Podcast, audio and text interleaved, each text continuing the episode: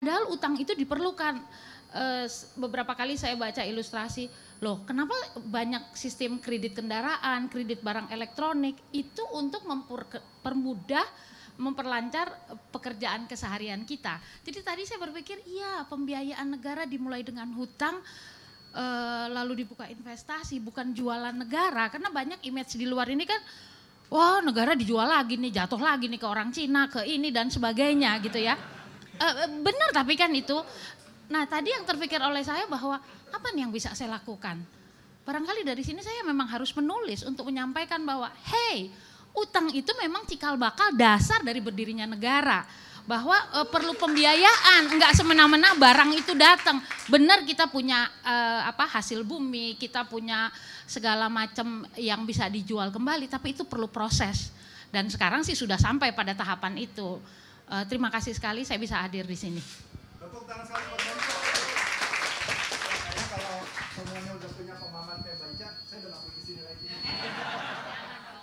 Tapi benar sekali apa yang sampaikan baca ya teman-teman bahwa uh, stigma ya atau hal yang disampaikan dalam media publik baik media cetak, media online atau dalam diskusi sehari-hari di depan di depan rumah, di warung bahkan di kedai kopi gitu ya itu sama bahwa ngapain sih kita ngutang gitu ya negara kita negara yang gemar di Pahlo Jinawi kalau kata Gus wah kata kolonial apa Gus dia sorry ketahuan ya angkatan masih saya muda maksudnya bahwa kalau kita tancapkan tongkat jadi apa Nah, tahu kan? Jadi bukan saya aja tahu.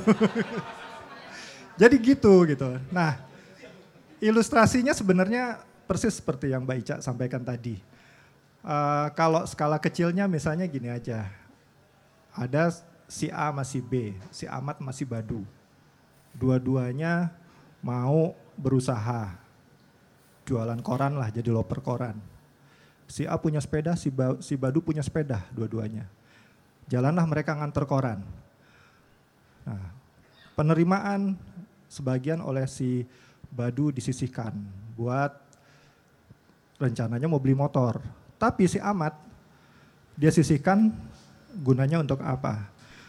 Amat beli motornya sekarang, Badu beli motornya nanti kalau dia udah punya uang cukup gitu. Secara jelas yang menang-menangan menang siapa? Si Badu ya si Bad, eh siapa si Amat tadi yang yang yang beli sekarang. Tapi kenapa dia nggak punya uang cukup? Dia beranikan, dia punya uh, rencana. Dia datang ke si C, si siapa nih, si Cuplis. Dia yang punya duit. Dia bilang ke si Cuplis, please, please dong, please, kasih aku uang, pinjemin aku. Uh, terus kamu punya Kembalian dari mana? Enak aja. Aku nggak mungkin dong ngasih kamu. Nih please, setiap hari saya jual koran sekian. Terus dari situ saya dapat uang. Uangnya misalnya berapa? 25 ribu. 20 ribu buat saya makan sehari-hari. Nah 5 ribu ini please yang saya tanam tiap minggu. Kemudian sebulan sekali saya buat bayar ke kamu. Hitung-hitungannya ya setahun lebih lah please motor apa pinjaman saya ke kamu lunas gitu. Oh, oke okay ya, manfaatnya bagus nih. Gitu. Oke, okay, saya pinjemin.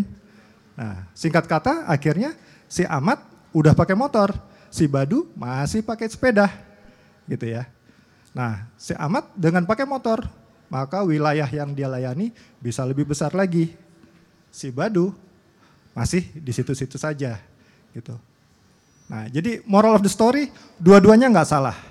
Ya, dua-duanya itu adalah pilihannya gitu. Tetapi yang dapat kita lihat adalah ada opportunity atau ada kesempatan di mana kesempatan si Badu itu dia bisa lebih cepat maju gitu ya dibandingkan eh si Amat ya dibandingkan si Badu dengan menggunakan terobosan yang dinamakan pembiayaan atau utang. Nah, ini simplifikasi memang tentunya. Ada beberapa uh, catatan uh, setelah itu ya. Namun ini yang mau saya bawa ke teman-teman semua bahwa benar utang itu adalah hal yang uh, possible atau mungkin kita lakukan. Karena apa tadi? Ada fungsi fungsi opportunity-nya. Ini ada momentum pertumbuhan saat ini. Itu ya. Ketika kita lihat mulai dari orde baru tadi kan udah jalan kan dari orde lama, orde baru, kemudian ada yang namanya krisis ekonomi, kemudian sekarang kita mulai bertumbuh lagi sampai 2018 kalau teman-teman semua lihat maka 2018 momen kita itu pertumbuhannya cukup naik gitu. 2019 ini challenging. Kalau kita sempat lihat banyak ketidakpastian di global, dan juga banyak yang uh, para ahli bilang bahwa ya sedikit menurunlah proyeksi pertumbuhan di 2019 gitu. Tapi kita tetap semangat. Artinya pembangunan tetap harus jalan untuk memacu pertumbuhan. Nah, dari sisi itu kita bisa lihat bahwa utang itu bukan tujuan akhir gitu ya. Jadi pemerintah bukan tujuannya didirikan untuk berhutang, gitu kan. Seperti juga kalau kalian uh, berumah tangga, tujuannya kan bukan buat utang kan, tapi utang itu sarana jika kalian ingin mencapai sesuatu, gitu. Jadi ini yang mungkin uh, bisa teman-teman viralkan ya, bahwa kita itu berutang, mungkin di slide sebelumnya ini ya, di slide. Nah, ini. Skema besarnya adalah apa yang kita sebut dengan anggaran pendapatan dan belanja negara, APBN. Gitu. Nggak usah jauh-jauh ngeliat ke sini deh, sehari-hari aja. Pemasukan seribu, pengeluaran dua ribu. Jadinya apa? Defisit. Besar pasak dari nah, dari tiang gitu. Ini yang dilakukan tapi kenapa kok kita berani-beranian bilang bahwa kita punya penerimaan pen, uh, cuma 2.165,1 triliun rupiah. Banyak banget duitnya ya. Kemudian belanjanya 2.461,1 triliun rupiah. Kenapa pemerintah berani begitu? Coba kita lihat slide berikutnya. Nah, ini pertama adalah dia sebagai instrumen fiskal. Artinya, sekarang momentumnya pertumbuhan tadi yang saya jelasin bahwa ada rencana pertumbuhan pemerintah 5,3 persen growth-nya. Itu akan bisa dilakukan apabila belanja tadi di sisi pengeluaran sebesar sekian 2.400 triliun tadi. Kemudian kita cari potensi pendapatan kita Potensi pendapatan kita ternyata di 2100 triliun rupiah. Sisanya itulah boleh kembali lagi ke slide sebelumnya. Nah, sisanya itulah yang kita sebut dengan namanya defisit ya.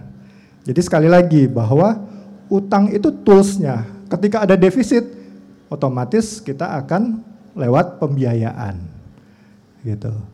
Nah, tadi saya bilang bahwa dengan uh, mencapai target pertumbuhan 5,3 artinya apa sih secara realnya di masyarakat apa sih?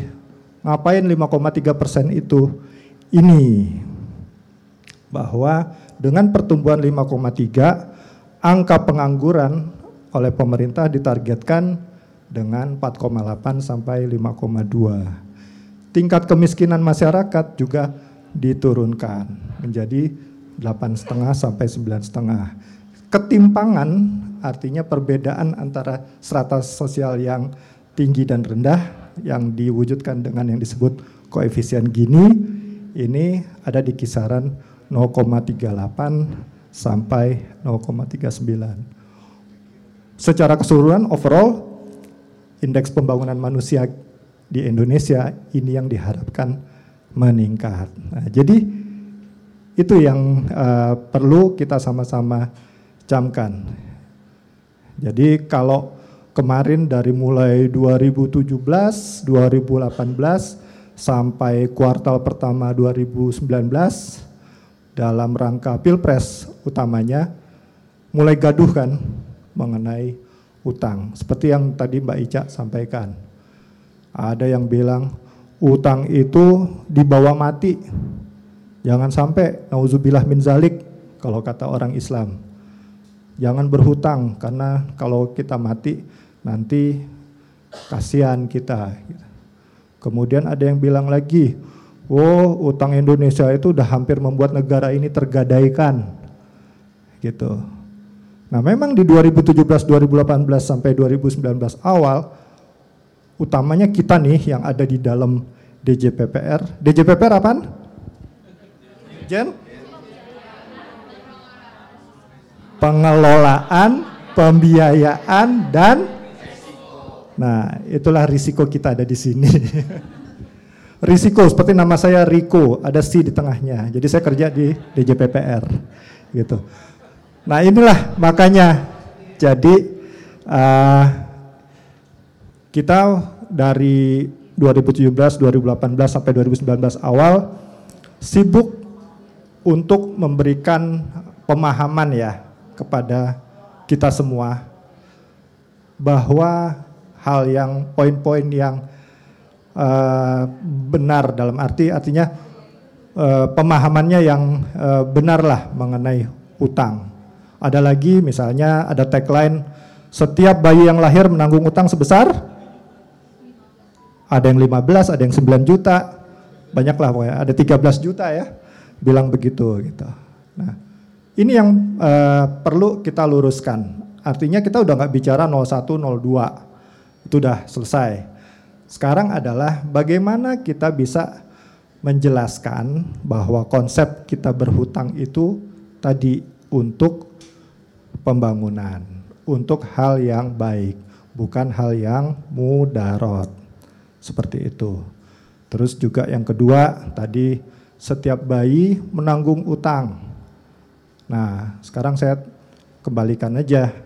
Kalau kalian ke bank minjem, ditanya nggak anaknya berapa pak? Nanti anaknya bisa nanggung utang bapak ya? Gitu. Nggak kan? Yang dihitung apa? Oleh bank. Betul.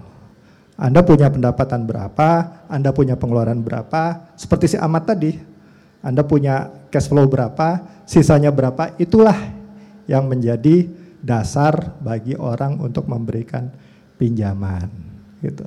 Jadi kita perlu meluruskan bahwa nggak artinya utang kita sekian triliun dibagi 100 eh 265 juta penduduk itulah tanggungan masing-masing gitu.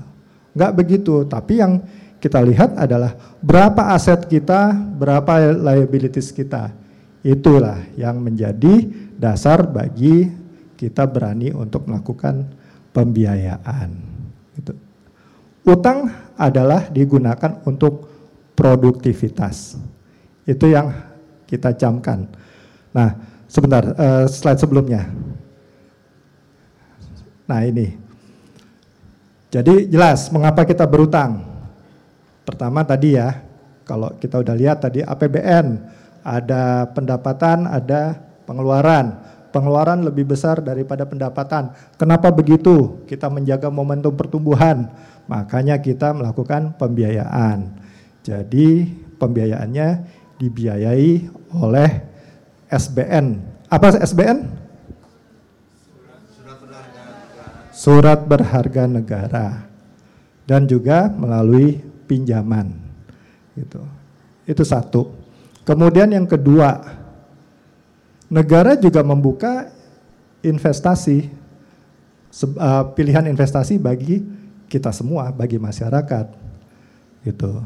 Seperti yang sudah ada beberapa kali misalnya apa sun retail ya bentuknya bisa di SBR saving bond retail atau dalam uh, syariah ada ST dan menariknya untuk retail ini kita mencatat makin lama makin sadar Eh, kita semua untuk berinvestasi. Jadi kita memasukkan pendanaan tersebut dengan view pertama, kita membantu negara kita untuk melakukan pembangunan. Kedua, kita juga sebagai sarana berinvestasi. Tadi saya disampaikan oleh Pak Ian, Pak Ian sekretaris uh, Ditjen PPR ini yang mengkoordinir ini semua. Pak Ian boleh berdiri Pak? Nah ini Pak Ian. Gitu. Tadi di, dibilang sama Pak Ian bahwa by statistik untuk penerbitan uh, surat utang retail kita, surat berharga retail kita itu sekarang generasi milenial yang banyak investasi di situ. Ini sangat menggembirakan. Artinya bahwa kesadaran berinvestasi sudah dimulai dari saat muda. Jadi jangan yang jomblo nunggu nikah dulu ya, baru berinvestasi ya. Jangan gitu. Dari muda kita sudah mulai investasi. Gitu. Nah kemudian yang ketiga, kenapa kita menerbitkan uh, surat utang?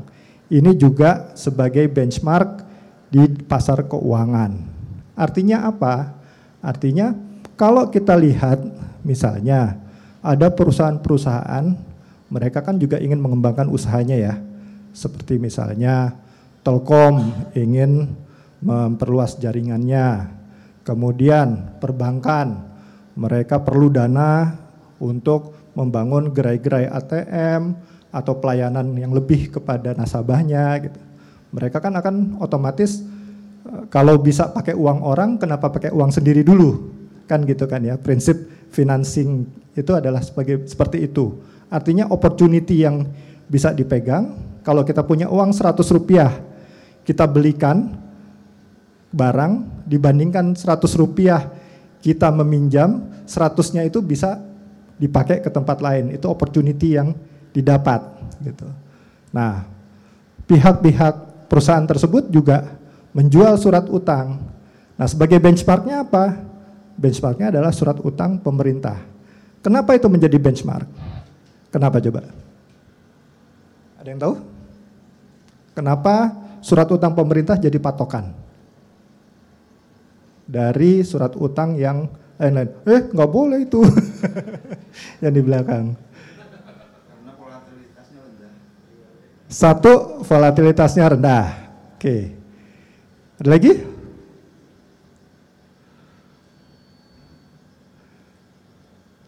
Yang terpenting adalah surat utang pemerintah itu adalah acuan yang bebas risiko, risk free, gitu ya. Nah, dengan acuan bebas risiko, perusahaan tinggal nambahkan berapa persen lagi yang dia minta untuk tambahannya, gitu. Jadi itulah makanya jadi benchmark. Dan kemudian yang terakhir untuk operasi moneternya Bank Indonesia. Nah, jadi saya hanya membawa teman-teman sekilas aja untuk uh, memahami kenapa pemerintah itu berutang dan juga bagaimana pemerintah itu bisa uh, melunasi utangnya. Pemerintah nggak akan semena-mena berutang, tetapi juga kita punya batasan seperti yang batasannya berapa? 60% kan ya dari PD, eh, PDB kita. Itu sekilas. Kalau mau bicara utang bisa dua hari tiga malam itu. Nah untuk lebih jelasnya mungkin nanti sehabis ini teman-teman semua akan berbicara dengan suhunya yang lebih lanjut Pak Dirjen kita, Dirjen Pengelolaan Pembiayaan dan Risiko. Saya belum bicara juga masalah risiko, nanti mungkin di dalam dengan Pak Dirjen lebih uh, bisa untuk mengulas itu lagi. Jadi itu sekedar pengantar saya saja. Eh, bagi teman-teman sehingga kita baik dari dunia maya bisa untuk ikut membantu dalam rangka mencerdaskan kehidupan bangsa sesuai pembukaan Undang-Undang Dasar gitu ya kepada teman-teman yang lain. Baik, kita panggilkan pemandu acara kita Mr. Adri. Silakan. Tepuk tangan buat Mas Adri.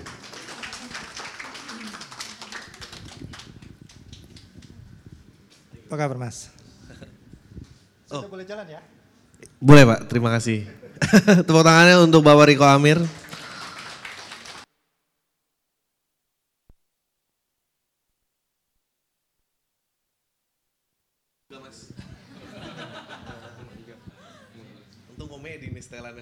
Oh ya. Halo, oh ya. Selamat datang juga Bapak Ian, Sekjen DP PJR. Eh, saya Adriano Kalbi, saya akan jadi pemandu acara hari ini. Eh, saya seorang stand up comedian, podcaster. Eh, ini harus memperkenalkan profil dulu, karena saya yakin nggak semua tahu saya gitu ya, karena ketenaran yang tidak seberapa ini, jadi emang harus sering diulang-ulang. Gi- saya juga sebetulnya sama bingung ya gitu kenapa ada di sini gitu gimana caranya bikin acara ini. Selamat datang. Nih pesertanya boleh dari mana aja sih kalau boleh tahu? Mbak dari mana? ITB. Oh ada kampus, ada anak blogger juga. Wah luar biasa ya. Eh, ini acara. Oh. Hap- Oh HP. Ya kita relax aja ini tegang banget sih setelannya. Nggak beneran loh ini pemerintahan nggak boleh kayak gini image-nya. Tadi nggak beneran tadi tuh coffee coffee itu udah bagus tuh. Itu saya menyaksikan sebuah performance yang sangat progresif. Bawain lagu Iwan Fals di pemerintahan. Coba. Orang yang dulu nggak boleh nyanyi sekarang udah dibawain di sini luar biasa. Yang muda-muda bingung tuh kayak kenapa emang Iwan Fals dibawain ke ini. Nah, makanya emang nggak boleh dilupain sejarah sih. Ketahuan umurnya. Eh, ini acara kreatif paling berat saya rasa berat bangun paginya sih luar biasa. Jam 9, waduh. Jarang-jarang biasanya eh iya pasti kerjanya malam gitu kan mana pernah mau bangun pagi. Kita akan ngobrol-ngobrol ta- tamu yang ntar lagi saya panggil eh, seorang penulis yang luar biasa ya. Maksudnya eh, Pak kayaknya banyak kan anak muda itu mengarahnya ke kreatif tapi gimana caranya bisa berkreasi sambil memaintain pendapatannya gitu. Karena eh, starving artis tuh bukan slogan yang keren sih menurut saya. Starving tuh ya sedih aja gitu. Jadi gimana caranya tetap berkarya tapi eh, tetap punya pemasukan, tetap punya pendapatan, tetap ya tenang gitu. Ribet lah kalau mikirin perut tapi harus berkreasi gitu gimana urusannya. Kita sambut aja Bernard Batubara. Boleh dipanggil? Seorang penulis eh dari 2007 udah 15 buku dengan dua bukunya sudah diadaptasi menjadi film ya. Luar biasa ini. Halo Mas Bara. Jadi kita mau kok storynya? harus di depanin gini saya muda saya bicara tuh Benar juga. ya kan Anda sih. kita masih kita masih muda bro harus muda Iya, gue seneng banget sih bilang masih muda, padahal udah mulai krisis juga nih. Ngaca, ada ubahan ya nih sekarang. Kemarin nggak ada. Eh ini sih kita mau tukeran cerita aja gitu, mungkin bisa dipetik dengan dari teman-teman gitu ya, gimana perjalanannya bisa eh, sampai di sini gitu. Mungkin mungkin lo lebih bisa menjawab daripada gue. Jadi kita bandingin karir dulu. Maksudnya Enggak enggak, kompetisi nih aduh bukan bukan bukan. bukan. aduh kesuksesan nih 15 buku men Karena menurut Buku menurut mana nggak menurut saya dia lebih lebih pantas berbicara karena saya nggak pernah menjadi full time artis karena ketakutan tadi gitu. Karena finansial yang tidak siap, jadi saya nggak pernah jadi full time seniman. Dan Makanya- menurut saya Bara lebih profil lebih tepat. Nah itu kenapa lo punya kenekatan itu Bar? karena apa ya Eh, saya memang orangnya dari kecil eh, berani karena bacaan Hmm, berani karena bacaan berani karena tahu bahwa pengetahuan saya ini benar hmm. nah itu aja jadi ya kalau lu gimana ya Kalau gua tuh gua tuh lulus kuliah niatnya mau jadi seniman nih. Tapi dimarahin orang tua kan. Akhirnya ngambillah jalan tengah nih, ngambillah jalan tengah. Jadilah penulis iklan. yang di mata para penulis tuh gue tahu itu penulis paling rendah memang penulis paling nggak ada derajatnya lah gitu tapi ka- karena waktu itu eh, ya fear finansial adalah salah satunya gitu eh, dari dari orang tua gitu Eh, dan diri sendiri juga sih gitu pada saat itu nah waktu bisa sampai 15 buku bertahan sampai sekarang itu kan pasti nggak main-main kalau gue masih ya Main-main sih. main-main ya luar biasa Itu baru main-main tuh. Gue punya ambisi menulis 40 buku sebelum usia 40 tahun. wow luar biasa Dan ya itu gue ambisius. Ambisius karena ya lagi-lagi why ah, jadi ada ini ini ya nah, ada satu penulis namanya Harper Lee. Bukunya To Kill a Mockingbird. ya Em, dalam 50 tahun hanya bikin satu buku dan memang sangat terkenal. Saya tidak mau seperti beliau. Hmm. Kalau gue bisa bikin banyak, iya bener terkenal sih tapi cuma satu. Ya iya. biasa aja gitu. hoki ya Heeh. Harus pede, jadi anak muda harus pede, jangan tuh ya ya. Ya, gitu. Nggak ada. Eh sebelumnya nih kita ngobrol kasih kan kita harus nge-cue videonya Bara dulu. Oh yes yes. Oh oke. Ngomong aja. Silahkan boleh play dulu. Kagak usah lah. Oh iya oke.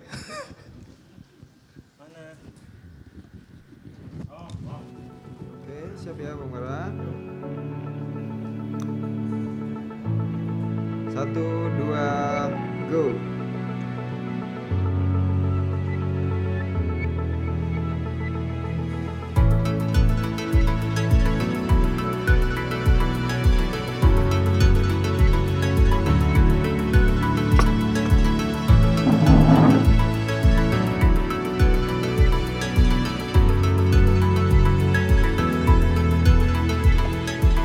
Hari ini mungkin agak beda ya guys.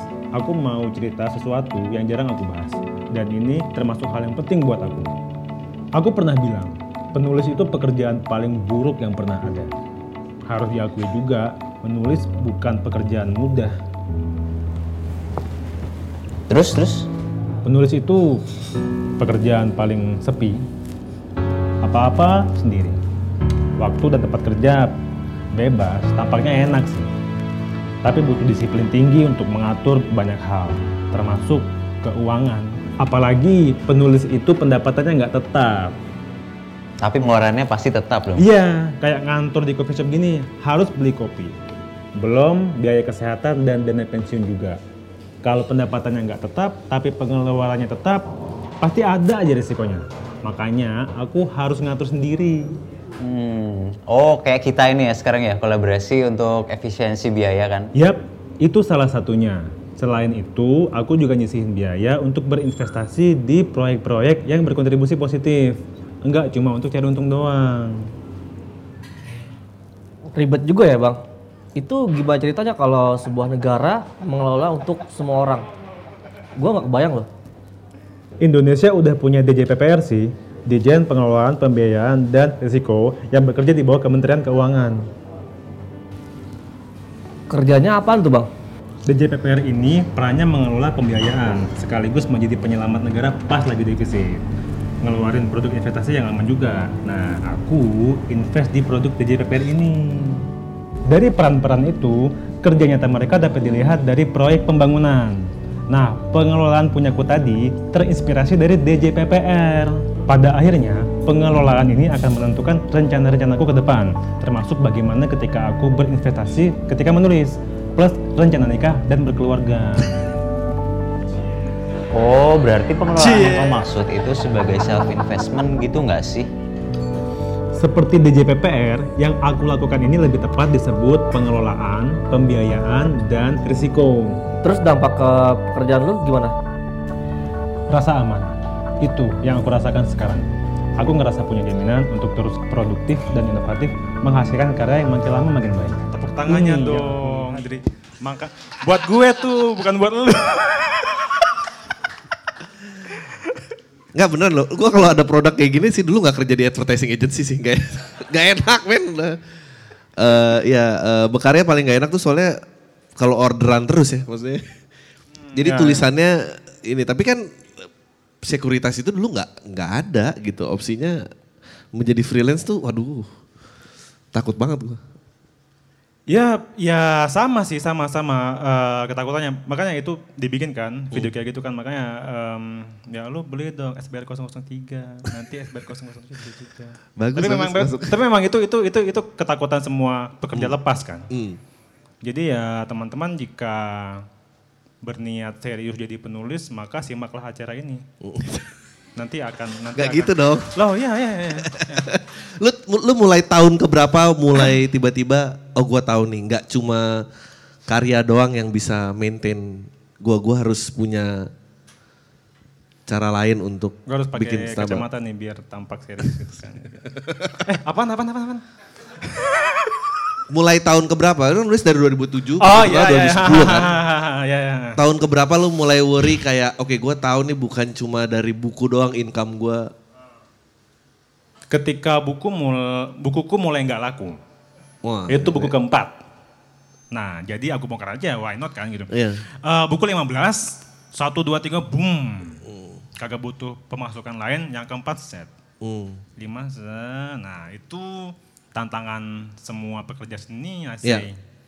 Generasi baru masuk. Ya kalian inilah, kalian inilah yang membuat buku saya nggak laku. Iya iya benar benar. Hmm. Saya akan bikin yang lebih bagus dari kalian gitu kan. Itu tantangan eh, tantangan kita berdua lah ya. Iya untuk tetap relevan tuh paling susah. Ah, dah, ya itu sih, itu sih. Hmm, ya jadi ya eh, di novel yang paling baru misalnya, Espresso itu kan aku harus cari tahu juga karena tokoh utamanya berusia 17 tahun, apakah masih menginginkan hal yang sama dengan aku ketika aku berusia segitu gitu misalnya.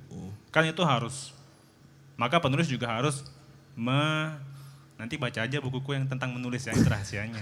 Bagus bagus bagus. Oh iya, bagus. Masa di share semua? Masih rahasia tuh, baca buku. Harus baca, ikro harus baca. Gitu. Di situ ya mulai ini tidak tidak laku baru mulai mikir kayaknya ini harus ada income lain dan membuat Iya. fondasi lain ya. Karena aku waktu itu menulis bukan untuk cari uang. Hmm. Jadi, eh iya, pengen jadi seperti Ibu Joan Kathleen Rowling, penulis Harry Potter itu, itu doang, itu doang, ya keinginan waktu kecil. Eh jadi ya uang datang belakangan kan, tapi kan setelah buku keempat mulai mikir nih, wah enak juga ya bisa beli laptop, bisa Hmm. ngeberangkatin ortu umroh gitu-gitu kan, bisa beliin cincin buat mama gitu-gitu. Eh, begitu mulai flop, penjualan, wah Baru deh tuh. mulai mikir nih. Hmm. Datanglah Ibu Nisaul Aulia dengan DJPPR kan kayak. Eh, tepuk tangan dong buat manajer saya tuh tuh tuh pakai ka- kemeja pink tuh. Beliau yang menyadarkan gue bahwa lu harus mengatur pengeluaran dan pemasukan. Barulah sadar gitu. Dan SBR 03 dan DJPPR gitu. Begitu Ya. ceritanya. Kalau lagi nggak punya duit emang waktu jalannya lama banget loh emang. Pernah gak sih saldo nol nungguin gaji masuk nggak masuk masuk loh dicek saldo masih nol juga sialan. Jangan dibongkar semua lah. Enggak tapi ngalamin maksudnya eh, dan, dan berkarya tuh menurut kayak sekarang gitu eh, ke- kebebasan yang paling enak gitu karena di- dikontrol sendiri. Yang nggak enaknya itu ya bagian urusan finansial pendapatan karena kan gimana pun juga ya kehidupannya nggak mungkin dilawan gitu. Maksudnya orang tua butuh dibantu cicilannya itu kan hard facts of life yang emang kita harus telan gitu. Apa itu hard facts of life sih? Eh, fakta berat kehidupan ya maksudnya ya udah. Oh, gitu dong. Eh. Pakai bahasa Indonesia dong. Kayaknya dia lebih bagus nge-MC ya daripada gue ya. Ini kan fakta berat kehidupan itu bagus loh, Ya. fakta berat kehidupan. Harus, harus ditekan, loh. nggak nggak bisa mau jadi masa mau jadi anak yang kayak FBK kan kayak nama partai kan. Nggak mungkin iya maksudnya nggak mungkin jadi anak 13 tahun itu yang ngerasa eh, orang tua nggak mau dukung passionnya ya bukan nggak mau dukung passionnya ini yang mau bantu rumah tetap dicicil siapa gitu kan itu kan harus dijawab Nah, menurutku sih ada apa ya? hmm, eh, selalu ada jurang kan antara satu generasi sama generasi yang akan datang kan gitu. Makanya em, aku happy banget ketika kemarin diajak keliling-keliling ke sini sebelum acara ini ketemu bapak-bapak yang ya usia itu kan ada usia biologis, ada usia psikologis. Usia biologis might be 50 60 tapi usia psikologinya men Udah- udah maybe terus. they're younger than me. Wah, pakai bahasa Inggris lagi dah. Lebih muda, makanya bagaimana caranya tahu ya bertemu muka mengobrol kan. Kan itu kan caranya kita tahu bahwa oh, oke bapaknya lebih muda dari saya loh sebenarnya gitu-gitu gitu ya. Cara gitu. Nanti Pak Luki Afifman juga uh, Heeh. DJ milenial. Kalian harus berterima kasih sama semua orang di kantor ini karena kita diselamatkan dari jurang kehancuran ekonomi. Wah nanti nanti teknisnya teknisnya nanti Pak Alo kayak saya cuma ini aja. Benar loh, benar, loh, benar loh, benar loh. Dan apa ya rakyat lah yang menolong ya saling saling tolong kan antara rakyat sama pemerintahnya gitu saling bantulah. Iya. Masa Dan kita iya iya. kalau fenomena global juga semua akan dengan banyaknya eh, artificial intelligence dan segala macam semua itu akan tergantikan kecuali eh, kreativitas. Karena hanya komputer yang tidak eh, itu kodratnya manusia tuh komputer nggak bisa ngejar itu. Eh, di UK udah 60 ya mungkin ya gitu. Pasti akan ada bisa yang berdebat ya kayaknya AI bisa bikin novel Romeo and Juliet tuh mungkin ada. Tapi kayak di UK 60% sudah ekonomi kreatif dia udah geser dan semua di push untuk ya udah orang jadi musisi bikin novel jadi apa perputaran uangnya ada di situ. Eh, makanya rise of content dan semua segala macam tuh karena di situ. Karena sisanya makin lama semua ter- terutama yang sifatnya mekanikal dan numerik akan dikerjakan udah automated gitu. Ya mau nggak mau kita ada di situ Tepuk tangan dulu dong. Gila itu insight loh. Iya. Saya saja yang sarjana komputer diam saja. Karena semuanya benar, semuanya Iya. benar, semuanya benar. Eh, Teman-teman kalau suka main Twitter pasti ada aja tuh orang yang nge-RT-RT-in video di tahun 2000 berapa gitu video ya di sebuah negara lah ya gitu. Kita gak perlu sebutannya kita hari ini Indonesia nih. Nah, Hmm. jadi intinya saya punya eh, idola. Waktu sekolah saya IPA Oh. Kimia, fisika, biologi, eh, matematika saya suka. Terus eh, ada ya em, Pak yang saya simpan dulu namanya. Hmm. Nanti kalian tahu rahasia ilmunya beda batu bara kan. Tapi intinya begini. Intinya intinya begini, nyambung kalau tadi loh. Nah, robot robot itu kan sudah hampir sama pintarnya dengan manusia. Jadi ya tantangannya manusia harus lebih pintar sih. Betul. Gitu aja Hmm. sih kalau lu kagak mau diganti oleh mesin ya harus improve. Seperti seorang stand up komedian. harus jago-jago improve. Kalau kagak kan betul betul betul, betul. Aku waktu kuliah belajar tuh dari dasar cara membuat AI yang oke gitu. Hmm. Sebenarnya simple gitu, malah lebih kompleks otak kita. Jadi dari satu buku yang aku baca itu Pak Yuval Noah Harari, bukunya Sapiens, mungkin pernah dengar. Dia bilang dua cabang ilmu alam yang masih misteri bahkan bagi ilmuwan itu sendiri adalah neurologi dan embriologi. Hmm. Nah, aku tertarik tentu saja ke embriologi karena bakal nikah nih kan. Jadinya ya mikir doain dong. Amin gitu. Amin. Amin. Neurologi Albert Einstein konon, tahu kan Albert Einstein is ah, konon hanya memanfaatkan otaknya tidak lebih dari 20%. Bayangkan jika kamu bisa lebih dari itu. Bayangkan. Ada satu buku mengenai beliau, quote dari Einstein yang paling menarik. Pak Einstein bilang, saya tidak tertarik pada ilmuwan yang melubangi papan sebanyak mungkin, tapi cetek. Saya suka ngelubangi sesuatu yang seperti palung di lautan. Nah, jadilah orang kayak begitu fokus, fokus di satu bidang kayak lu kan juga fokus kan. Nggak, lebih fokus dulu kayak gue ya. Iya, iya. Iya. Fokus, fokus, fokus. Intinya Oh. gitu, fokus. Apa yang kita ketahui dari Pak Albert Einstein selain E sama dengan MC pangkat 2? Kagak ada. Kagak ada kan? Apa? Penampilan kan palingan poster-poster yang di yang Hmm. gondrong gitu kan. Itu puluhan tahun mencari gaya energi kan, cahaya kan. Hmm. Itu doang dikulik sampai sampai mentok. Mungkin kalau beliau diberi hidup yang lebih panjang, lebih dalam lagi tuh. Iya. Tapi ada misteri geologi yang saya paling suka. Inti bumi. Tahu nggak bahwa tidak akan pernah bisa manusia nembus inti bumi. Lo bisa menyelam ke lautan Ya. pakai kapal, tapi inti bumi nggak bisa. Nah, tantangan bagi kalian adalah belajar sesuatu sampai bisa nembus itu. Kiamatlah sudah. Oh nggak bener-bener. Gue gue sependapat banget karena kayak di kantor gitu ya, eh, yang lebih muda lagi tuh kalian generasi yang paling besar kreatif energinya dan paling mudah akses referensinya. Ya. Eh, ngelihat desainer, ngelihat fotografer kita ngelihat kayak ini sih dulu butuh 5 sampai 10 tahun belajar ya dan sementara ada anak 19 tahun udah menguasai ini gitu dan Ya. nggak nggak bisa di Uber gitu. Harus begitu sih, harus begitu sih gue Iya, pikir memang. harus begitu.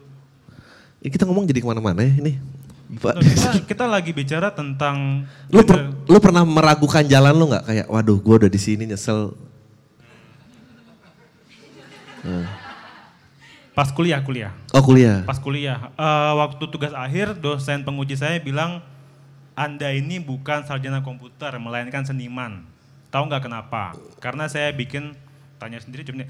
karena saya bikin eh, program yang tidak bisa dimodifikasi dan itu nggak boleh di komputer. Itu nggak boleh itu. Maka eh, aplikasi itu harus ketika diberikan ke instansi lain harus dapat dimodifikasi Duplikat, dengan eh, mudah betul. disesuaikan gitu kan. Gue gue lock aplikasinya itu agar kalau bapak mau pakai bapak kontak saya dong. Oh. Nah jadi gue Steve Jobs in this case. Anda Close- membuat program itu kayak karya berarti ya. Kayak ya udah Ah, gitu. Buat cari uang dong. kayak itu itu ya udah gitu aja deh. Ya itu gini gini. Kalau handphone ada apa ya iOS sama Android, Android. saya iOS. Hmm. Harusnya Indonesia juga punya tuh sistem ya nggak sih Iya. nanti kita. ya. Tapi kalau mau rahasia saya baca buku tentang menulis. Nah itu aja. Tanya jawab. Oh, Oke. hmm. Jadi jangan ke mana-mana. Enggak maksud gue yang gue tanyakan Apaan lu sih? 10 tahun lebih nih menulis. Iya, iya. Pernah ragu nggak mau milih bidang Oh. menulis itu? Yang gue tanya, gimana caranya menginspirasi Hmm. seputar, apalagi momen-momen gak laku itu tuh. Gak pernah. Waduh, nanti gue menangis nih membahasnya. Em, setiap saat ya, setiap saat, setiap saat saya ragu. Hmm. Setiap saat, tapi setiap kali ragu, setiap itu pula diyakinkan oleh orang lain. Bukan oleh diri saya sendiri. I doubt myself very much. ya itu writers main banget sih. Iya. Writers main begitu memang. Ya. Tapi ya alhamdulillah akhirnya ada orang ba baru bikin novel ya? oh iya iya iya iya," gitu. Pengen bantu orang saya gitu. Pengen bantu orang karena orang bantu saya gitu aja. Hmm. Gitu sih. Jadi emang perjalanannya panjang ya bagi Emang dari teman-teman apa sih yang dicari kira-kira dari berkarya ini?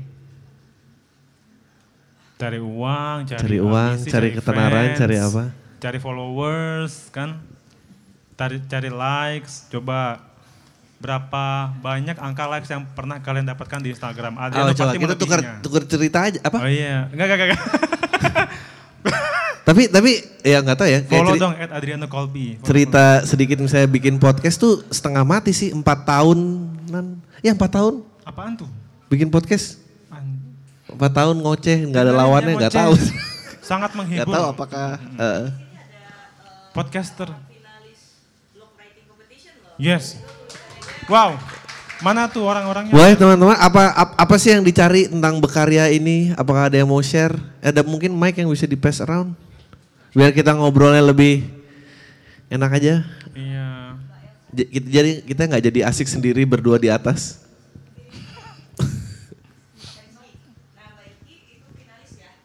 Oh, Oke. Hmm. Man- mana mbak? Oh. Oke ya ya. Yang Wah, dikejar apa sih mbak? Coba selamat ya. yang dikejar apa mbak? Wow, iya iya. ha. Yang dikejar apa? Apa yang dikejar? Adri atau Bara? Aduh. Si... Hmm. Kami udah punya pasangan sih, tapi ya boleh lah. eh, kalau misalnya untuk menulis, sebenarnya karena suka nulis itu paling klise ya sebenarnya. Oh. Cuma eh, yang waktu kemarin itu pengen benar-benar share aja soal kayak misalnya investasi itu benar-benar di lingkungan sekarang tuh kayak udah ngeliat teman-teman yang eh, bingung pembiayaan, utang dan sebagainya. Ya. Terus abis itu kayak udah eh, semua udah kayak mulai suka untuk eh, mengenal saham itu kayak gimana. Padahal eh, sekarang juga ada saham dari pemerintah. Nah itu benar-benar pengen nge-share aja sih sebenarnya. Jadi karya ini tuh eh, benar-benar awalnya survei ke teman-teman dulu, tanya teman-teman dulu. Nah pengennya juga dengan ini bermanfaat juga gitu. Ya memang sih. Wow. luar biasa. Gue, ya. The bad thing about jadi eh, seniman itu adalah you live for today kan, live fullest for the today kan. Padahal umur kan panjang ya. Kalau make the wrong decision pasti hidup makin, aduh ini kejerat ke mana-mana. Yakin umur lo panjang? Ya enggak maksudnya Pak, generally lah. Oh ya oke oke. yang kedua, yang kedua, yang kedua. Ada lagi yang mau Oh, iya, sharing? ha, ha, ha. Misalnya ambisinya dalam berkarya, Iya. ingin mencapai harus- apa, apa Iya. kolaborasi dengan Wah, tunjukkan dulu kehebatanmu. Sombong amat. Ya, silakan, silakan. Eh, kalau buat lomba blog yang kemarin cuman pengennya share ini loh eh, di generasi aku teman-teman aku itu banyak orang yang kerjaannya di tempat-tempat yang kece gajinya gede tapi dia nggak bisa maintain duitnya jadi Iya, bener, dia bener. ngutang sampai ngutang ke teman-teman seangkatan dan Iya. yang ngutang tuh cowok sampai ngutang ke teman-teman cewek itu kayak malu-maluin banget nah aku mau nge-share kayak gitu ke blog biar eh, nambah sudut pandang orang-orang aja kalau eh, gimana caranya biar bisa eh, maintain duitnya dengan baik gitu sih. Oh, ya. Emang dunia entertainment fana sih emang banyak yang kayak ini dia nih Nah, kenapa itulah. job gua jarang nih. Tahu nggak sih? Oh iya, boleh, boleh, boleh, boleh. Yang yang ketiga. Eh, kalau saya sendiri kemarin emang ngebahasnya MRT. Jadi Hmm. gimana pemerintah itu emang udah usaha lah buat ngebangun Indonesia ini mulai dari bikin tol, asrama haji, terus kan eh, ada MRT dan lain-lain sebagainya. Soalnya dari saya pribadi yang tinggal di Medan kayak loh kok Jakarta mulu sih Hmm. yang dimajuin eh, bagian-bagian lainnya kapan gitu. Jadi kayak merasa udahlah sebagai orang Indonesia jangan terlalu banyak komplain dan minta ini itu tapi kayak syukuri aja lah dan bantu pemerintah dengan investasi Ya, gitu. terutama yang yang Jakarta sentris Makanya suka. kamu juara satu kan? Dia juara satu kan? Iya kan? Iya. Eh, Ah, oh, oh. Finalis ya? Aduh. Tapi itu saya sepakat sama gagasannya maksudnya, sama pikirannya. Juara satu di pikiranku gitu maksudnya gitu. Moga mas, moga mas. Bagus bagus bagus ngelesnya bagus nih. Kalau saya ngangkat tentang eh, mahasiswa dalam pengelolaan eh, utang sih mas.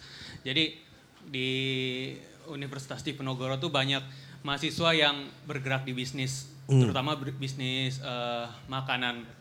Nah itu teman-teman saya sendiri itu banyak ngebuka bisnis tapi ternyata baru beberapa hari buka terus Bangkrut. langsung drop Hmm. karena nggak ada eh, pen- apa ya nggak ada layanan dan rencana yang jelas ke depan gitu dan saya ngangkat ini di blog buat lebih lebih bisa menginsight orang-orang gimana sih mengolah utang untuk me- mengolah utang agar bisa berbisnis dengan baik bagi mahasiswa terima kasih Oh luar biasa. ya.